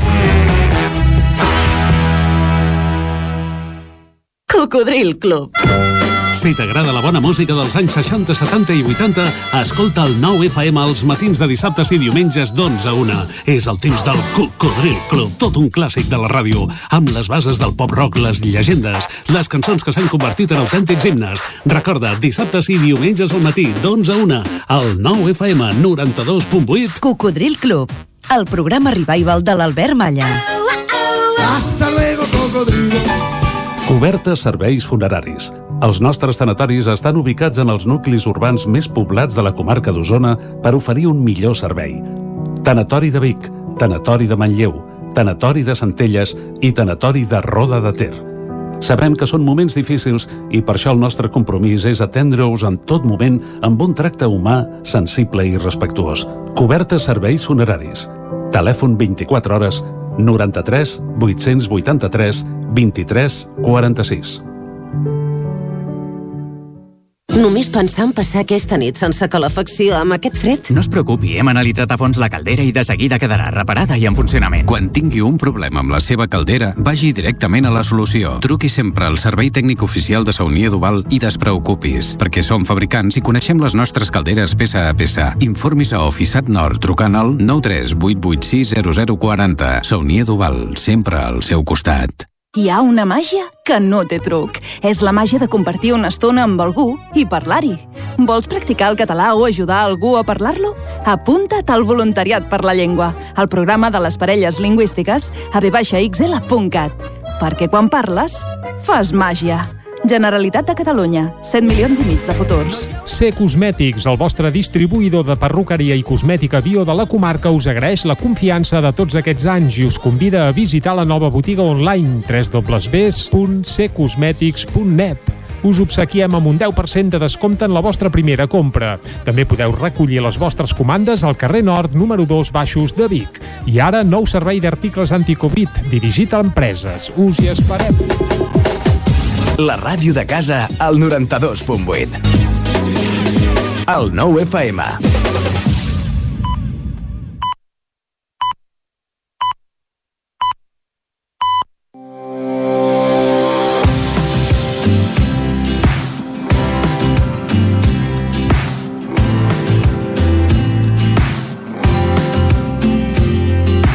Sora és un poble rodejat de boscos i amb molta població disseminada en masies que s'ha dedicat històricament a l'agricultura i la ramaderia. El municipi de Sora, al nord de la comarca d'Osona, té tres nuclis de població. Sora, el Serradet, on hi ha el polígon industrial La Tauleria, i Cussons. És una població de tan sols 200 habitants. Per fer-hi una petita passejada podeu anar a visitar les dues esglésies, la de Sant Joan i la de Sant Pere. L'església de Sant Joan del Noguer, atoronada a l'esquerra de la Riera de Sora, prop del Mas de Sant Joan, és l'antic Mas del Noguer, ja existia el 1245. És un edifici rectangular de tradició romànica amb porta al migdia que es manté sencer, sense culte des del 1936. El nucli de Sora es troba al voltant de l'església parroquial de Sant Pere de Sora, a partir de la qual va néixer i créixer com a Raval. L'església de Sant Pere de Sora, situada a 716 metres d'altitud, al vessant esquerre de la vall del seu nom, va ser refeta a partir del principi del segle XVII. L'edifici, espaiós i poc característic, es va acabar als voltants del 1660. El campanar es va fer en dues etapes, el 1665 i el 1752. El 1881 es va construir la capella del Santíssim i el 1896 es va decorar l'interior. L'estructura actual de l'església és del segle XVII, encara que possiblement va tenir altres reformes anteriors. Va ser consagrada l'any 960 i durant la Guerra Civil, el 1936 fins al 1939, es van destruir els seus vells retaules. Li fa costat la rectoria renovada el 1892. A la mateixa població sempre és curiós visitar la sequoia de Rocafiguera, una sequoia Wellington. L'arbre fa entre 28 i 35 metres d'alçada i té un perímetre de 5 metres a 1 metre de nivell del terra. Calen 3 persones per abraçar-lo. A mitjans del segle XIX va estar de moda entre certes classes socials plantar aquesta espècie forastera d'arbres en les proximitats de les grans cases pairals del país.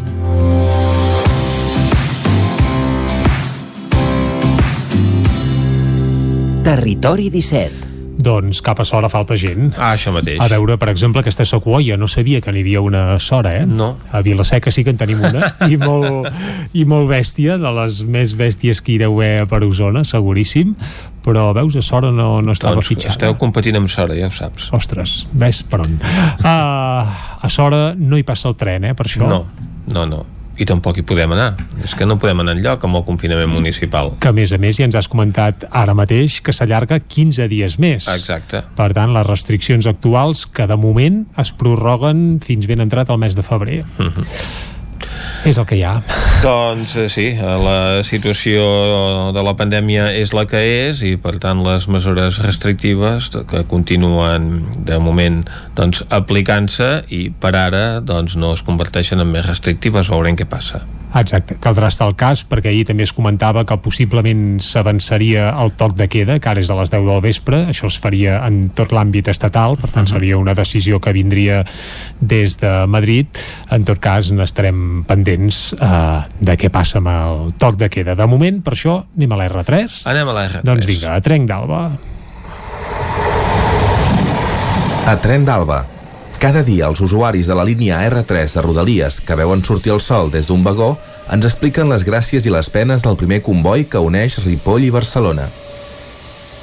Benvinguts a Tren d'Alba. Doncs bé, un dia més us parlo sobre les obres del túnel de Toses, que s'haurien d'haver acabat el mes que ve, però no serà així i s'allargarà fins al mes de maig com a mínim. Ara resulta que DIF va informar que hi estava destinant tots els recursos humans i materials disponibles a l'actuació restauradora, però hi havia un tècnic que assegurava que la Conselleria de Territori de la Generalitat de Catalunya havia estat absent en una obra que l'afecta de ple. A més, aquest tècnic assegura que aquesta obra s'hauria d'aprofitar per restaurar el portal de la boca sud del túnel de caràcter monumental, ja que qualsevol dia hi haurà una esllavissada i aprofitar aprofitaran la situació per enderrocar-lo. Ja veieu que aquí es donen les culpes els uns amb els altres i ningú assumeix la seva responsabilitat, que és clar que és compartida. Això sí, si en el passat s'hi haguessin fet més inversions, potser ara el tren circularia amb tota la normalitat del món. Però en fi, va, ens retrobem demà per explicar-vos més històries de l'R3. Territori 17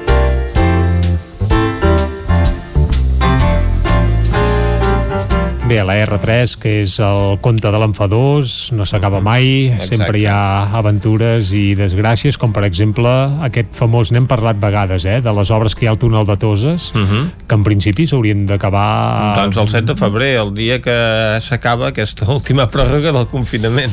I és evident que el 7 de febrer el més calent serà la Higuera Uh -huh. i que, eh, bé, que si algú vol anar amb tren fins a Puigcerdà, em sembla que fins a arribat l'estiu ho té clar també. Però vaja, com que tampoc hi podem anar, No, però la gent de la Cerdanya que sí que s'han de desplaçar per serveis essencials o per anar a treballar, això sí que ho poden fer. Lamentablement doncs, amb aquestes dificultats que han de fer transbordament amb autobús fins a Ribes de Freser. I eh, amb el que comporta això de- d'horari, perquè clar, un viatge que amb tres quartets eren de Puigcerdà a Ribes, ara segurament hi estan més d'una hora. ah, exacte, sí senyor. El Bé. trajecte s'allarga perquè a més a més han de superar la collada de Toses, ara mateix a l'hivern doncs està com està Bé, uh, aquest cap de setmana no anirem a la Collada de Toses, no anirem a Puigcerdà tampoc, però sí No. que hi ha algunes propostes culturals per fer que repassarem a l'agenda cultural que fem tots els dimecres. I aquestes propostes, Vicenç, per on arrencarem el repàs? Anem cap al Vallès i eh, comencem eh, des de Ràdio Cardedeu amb l'Òscar Muñoz. Bon dia, Òscar. Bon dia. Al Vallès sí que hi ha activitat cultural pels propers dies. Aquí no hi ha obres, però Mhm. sí que està tot molt parat, així que portarem aquí tres, tres propostes per aquesta setmana. Molt bé. Comencem per, di, per divendres, Mhm. a les 8 del vespre, eh, tenim una obra de teatre a l'Auditori de Granollers, quan els crancs portin talons. És la nova creació de la companyia Escarlata Circus Ahà. i es capbussa en la vida en parella de 30 anys de la seva experiència, de la seva pròpia experiència, tant artística com personal. I doncs això podem trobar entrades des de 8 euros. Ah, molt bé. Dissabte, a les 7 del vespre, al Teatre Auditori de Cardedeu, dintre del cicle de música Tastautors, tenim el trio Marla. Són tres dones, músics i compositores, com són la Selma Bruna, la Clara Fiol i la Sandra Montfort. Marala, es I- Mare, Exacte. Sí, perdó, perdó, Marala, Marala, és que sóc molt fan jo d'aquestes tres noies. Són, canten com tres angelets i la veritat és que és una proposta molt i molt aconsellable. Per tant, Òscar, sí. si pots, eh, tu que ets del Vallès, eh, treu-hi el cap, eh? Doncs estan Perquè de val- sort Val Cardedeu. molt la pena, val molt la pena, i tant que sí. Doncs mira, són, això, són tres, tres dones de Catalunya, de les Illes Balears i de València i ens doncs, venen aquí a presentar-se al, al seu nou disc, bueno, el seu primer treball discogràfic que a Trenc d'Alba, que es diu. Uh -huh. I això, un tastautors que arriba a la seva 17a edició, que comença aquest dissabte, i si tot va bé, estarà dos dissabtes més, el del 30 de gener i el 6 de febrer. Doncs esperem que I tot vagi acabar, bé. Mhm. exacte, que podem gaudir de, de Marla Clar que sí. i entre tots els artistes que podran anar-hi al tastautors. I per acabar, també dissabte, però a les 8 del vespre, tenim el musical Pegados, a l'Auditori de Granollers. Uh -huh. La història d'un noi i una noia que, doncs, que es coneixen a una discoteca i per coses de la nit o del destí acaben doncs, consumant al lavabo. Uh -huh. I la cosa no acaba aquí, ja que com es diu Pegados, doncs es Ahà. queden enganxats literalment. Eh, els artistes doncs, ja estaran l'Iñaki Mur, la Júlia Bonjoc, la Gemma Martínez i el Raül Patiño. Uh Mhm. -huh. I doncs podrem em, trobar les entrades des de 10 euros. Molt bé. Al Teatre Auditori de Granollers. Una altra bona proposta per aquest cap de setmana. Doncs moltes gràcies, Òscar. A vosaltres. Ara nosaltres anem a Ona Codinenca amb la Caral Campàs. Bon dia, Caralt. Hola, bon dia. Doncs explica'ns quines activitats podem fer aquests propers dies. Mira, començo parlant d'unes activitats que vam anunciar eh, divendres que s'han ajornat, Ahà. que com bé recordeu, a Vigues i Riells del FAI havia de celebrar la festa dels seus patrons, eh, avui hi havia prevista una caminada aquest matí, eh, música al vespre en honor a Sant Sebastià i divendres en honor al teu Sant Vicenç eh, Mhm. també hi havien previstos doncs, música i altres activitats.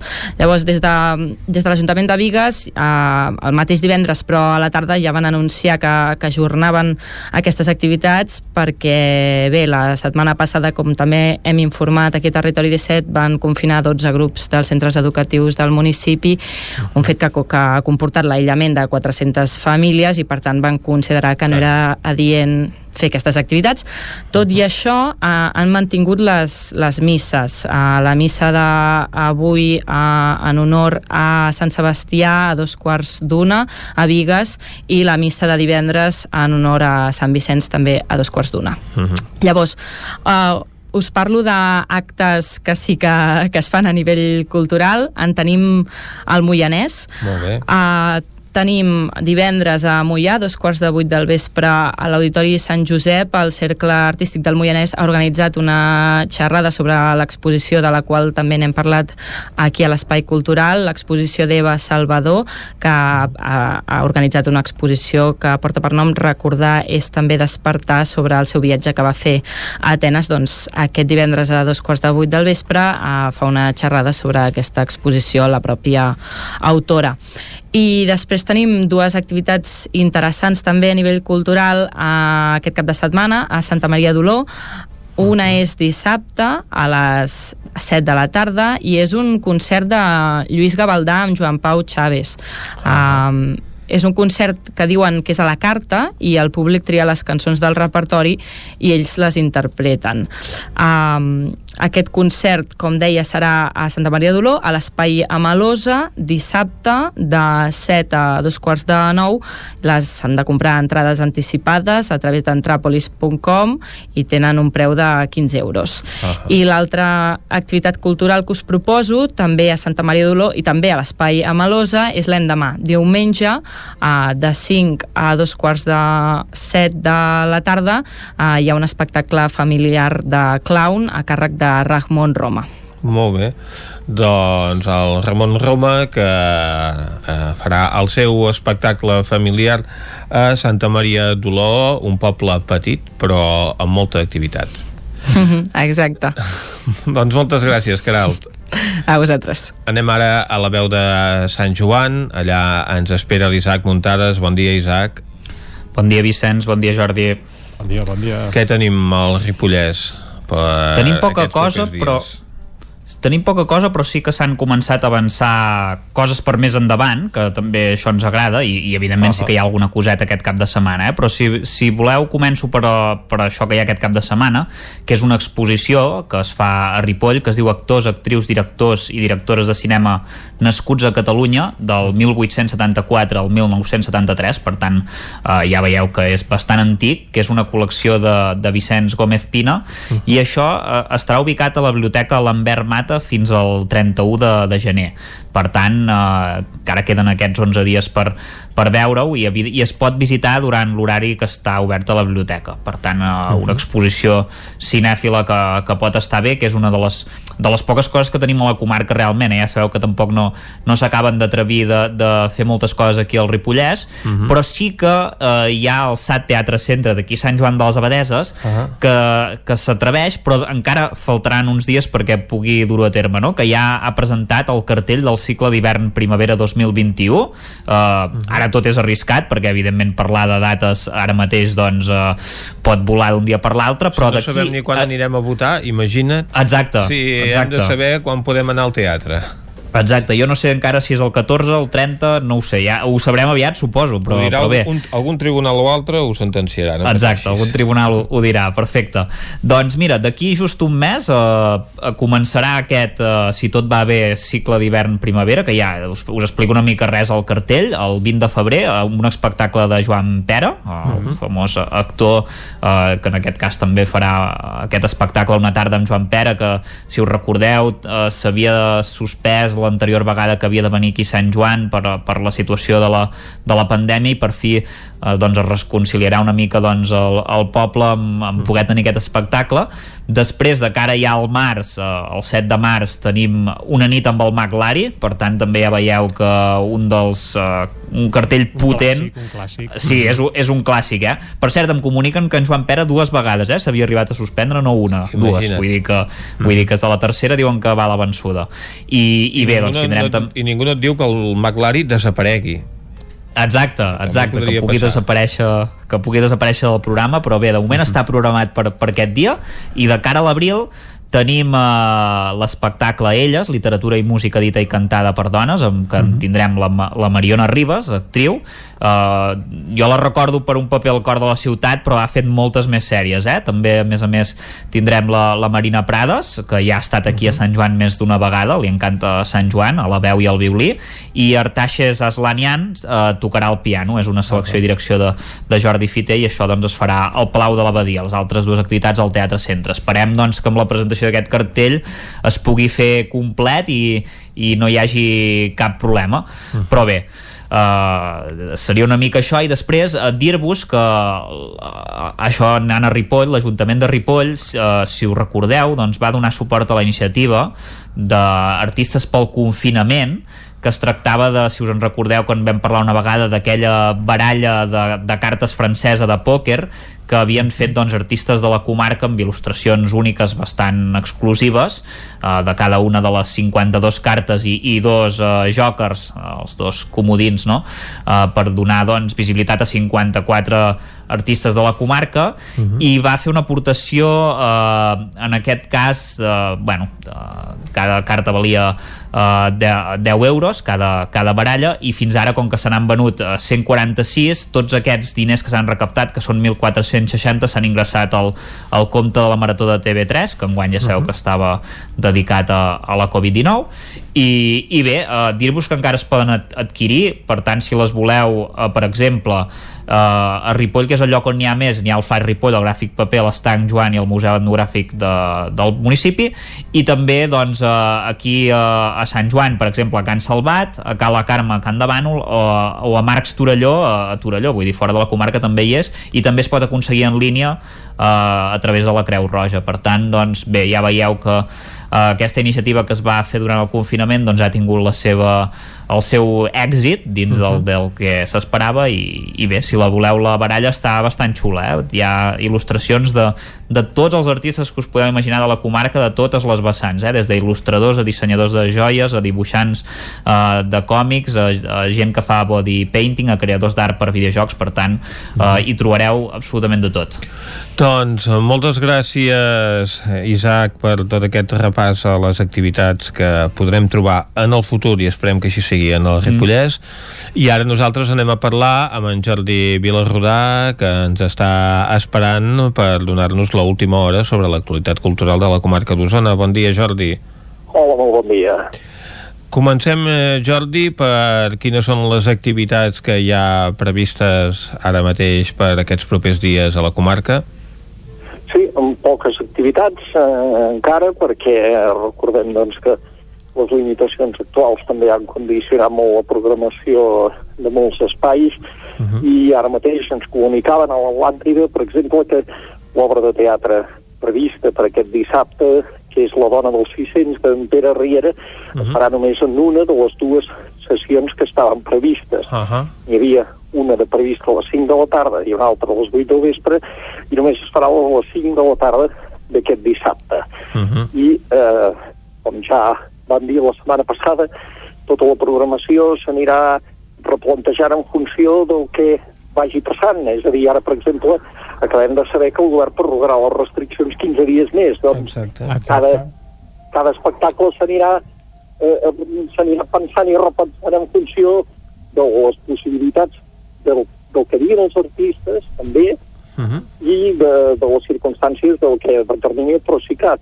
Per exemple, la setmana que ve està previst doncs, que hi hagi un dels grans concerts, el del violoncel·lista Misha Maisky. Uh -huh. Doncs aquest sí que es farà, Eh, de fet, ell ve, farà un concert al Palau de la Música i un altre a l'Atlàntia, i aquest uh -huh. ens pot confirmar que sí que hi serà, i aquesta obra de teatre, el dissabte, ja, com dèiem, es farà només en una de les dues sessions programades. Uh -huh. És la dona dels 600, en Pere Riera, és una obra que es va estrenar ara fa aproximadament un any a Barcelona, per tant no ha tingut molt recorregut, però per les circumstàncies d'aquest any, és en to de comèdia, un vidu, un home gran que li prohibeixen gairebé tot el metge uh -huh. i a la seva filla li fa un dia un regal que és una maqueta d'un Seat 600 que era el cotxe que havien tingut a la família uh -huh. I, i a partir d'aquí doncs eh, hi ha tota una, una, una trama diguem al voltant d'aquesta d'aquest objecte que a més a més està vinculat amb els records el repartiment és excepcional eh, perquè hi ha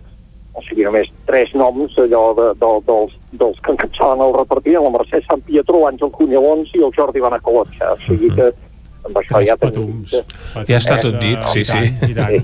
Oh, això, és, que això és potent uh -huh. i, i com dèiem, doncs això es podrà veure a l'Atlàntica el dissabte a les 5 de la tarda, per desgràcia, per molta gent que no és de Vic, eh, doncs no tenir entrades, doncs aquest sí que no podran amb el confinament municipal poder-hi venir. Uh mhm. -huh. El Teatre Sirvianum de Torelló també té programació, ja va començar, de fet, el diumenge passat i continua, doncs, aquest diumenge, eh, també a les 6 de la tarda, amb una obra d'en Ramon Madaula, uh -huh. l'actor, director i també dramaturg, autor, eh, que, que està, doncs... Per tant, fa, Ramon, fa els tres papers, el Ramon, eh? De... Tots, els, tots els vessants, diguem... Director, de... actor i autor, de... també. Perdó? Mm, perdó? No, no, que el Ramon és el, el director, també és actor i, és, a més, és l'autor sí, sí, del text, és a dir, s'ho ha fet tot sí, aquí. Sí. Uh -huh. sí, sí, és el que dèiem, sí. Curiós, uh, sí, sí. O sigui, és una obra que es diu Els Bruguerol, que va ser un premi recull de l'any passat, una, una obra ambientada en una família de, de, de, de l'alta burgesia, eh, que té una filla doncs, que és activista social i feminista i en un moment donat ell, aquesta filla es vol canviar l'ordre dels cognoms, allò que passa posar-se primer el cognom de la mare, no? Uh -huh. eh, i eh, el pare, que és, que és el personatge que fa el Ramon Marau, això i és gairebé inconcebible de la tradició familiar, el pes del cognom, etc etc, Uh -huh. doncs, eh, que, que, que pugui fer això. I, i eh, a partir d'aquí doncs, eh, la trama de l'obra que de fet to d'humor, d'humor irònic, àcid, eh, de, sobre eh, un tema de conflicte generacional clàssic no? en, el, en els moments actuals. -huh. El mateix Ramon Madaula, en Jaume Madaula, el seu fill, i la Júlia Trujol són els protagonistes de l'obra. Es podrà veure, com dèiem, el Sirianum el, el diumenge a la tarda. Eh, sí que, doncs, amb això acabem aquesta, el repertori de- d'aquesta setmana del que hi ha en, en escenaris eh, teatrals, diguem. Eh, Poca però- cosa, en definitiva. Perdó? Dic que poca cosa, en definitiva, poca Parlem- cosa. Parlem des, de, parlem des del carrer i a vegades avui tenim una mica de problemes. Doncs això que dèiem, que aquest cap de setmana poques activitats, aquestes dues representacions teatrals a Osona, però avui també hi ha novetats no, en l'àmbit cultural.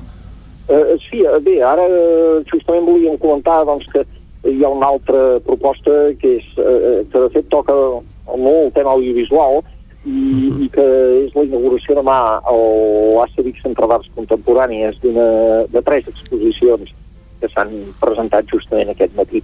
I una d'elles, totes tres, eh, però una d'elles mereix la, la, una ressenya especial perquè és del cineasta Isaac La Cuesta, que és el cineasta gironí, que coneixem per diverses pel·lícules premiades i que eh, ara justament aquests dies no serà dit per la inauguració de exposicions perquè està rodant una pel·lícula nova a París però uh -huh. aquí eh, presenta tres, eh, tres propostes ell ha fet també a part del cinema treballs més de documental de videocreació i un d'aquests treballs de videocreació és un dels que presenta aquí justament es diu eh, tot el conjunt de l'exposició es diu Trilogia de la realitat oculta. I n'hi ha una d'aquestes obres que diu Jo sóc allò prohibit que és una obra, una obra interactiva que eh, va sobre la censura sobre la censura doncs, els últims 40 anys a l'estat espanyol és a dir, teòricament ja en democràcia diguem, i eh, recull eh, eh, coses que han estat censurades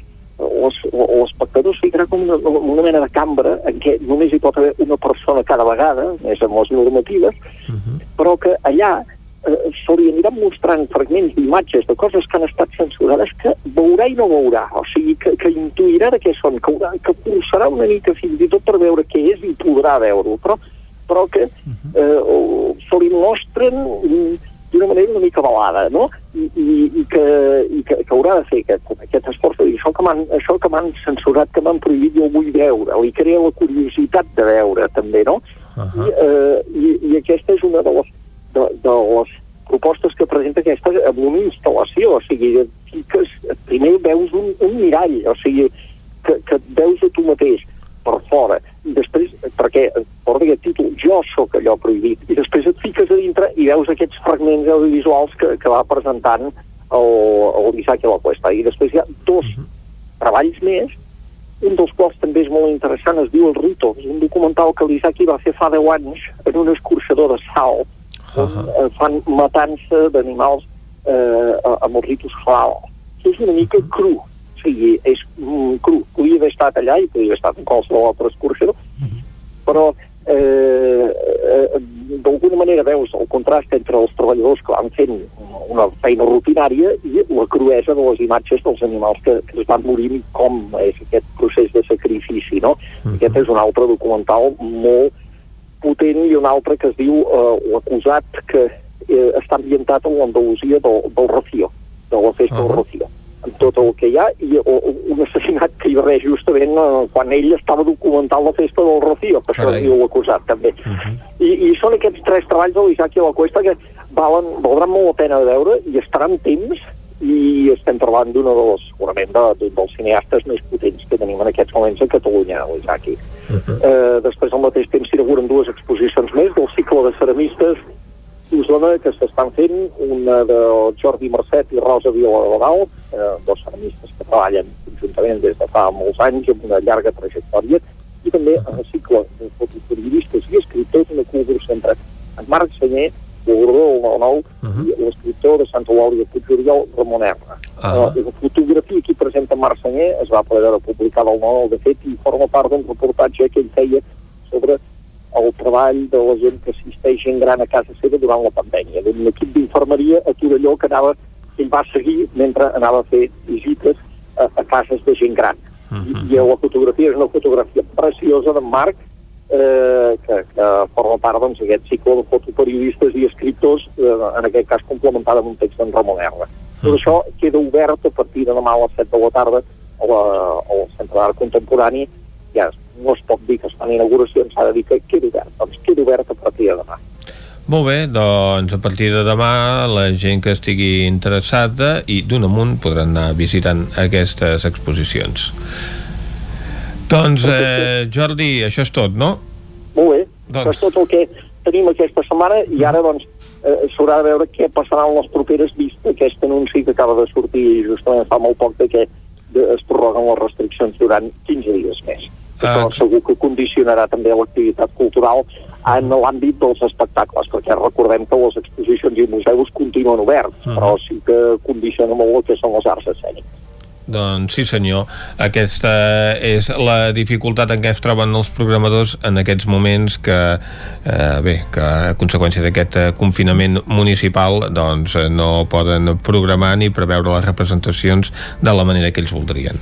Abans de tancar l'agenda del cap de setmana, Vicenç, afegim-hi un parell d'espectacles d'aquests per a públic familiar que sí que es mhm. faran, un d'ells a la Sala Petita d'Osona, el diumenge a les 6 de la tarda, a Sant Hipòlit de Voltregà, la Catòlica, conegut conegut també a l'espai, mm. i uh, un altre a Centelles, al casal Francesc Macià, diumenge també a les 6 de la tarda hi haurà un espectacle d'aquests per a públic familiar molt aconsellable, mm. per tant així ampliem una mica més l'oferta oh, de propostes pel cap de setmana a Osona i ara sí que ja tanquem l'agenda del cap de setmana. Sí senyor, la qüestió és que d'aquesta agenda en pugui gaudir públic de totes les edats. Tant de bo, exacte. I ara el que també hem de tancar és el programa ja, eh? Territori 17 que fem també per públic de totes les edats. I tant, i tant, només faltaria. I que aquest dimecres hem fet la Clàudia Dinarès, la Caral Campàs, en David Oladell, l'Isaac Muntades, en Pepa Costa, l'Isaac Moreno, en Guillem Rico, en Jordi Givert, l'Òscar Muñoz, en Jordi Vilarrodà, en Jordi Sunyer i en Vicenç Vigues. Nosaltres tornarem demà, com sempre, des de les 9 del matí i fins a les 12 del migdia. Adeu. Ciao.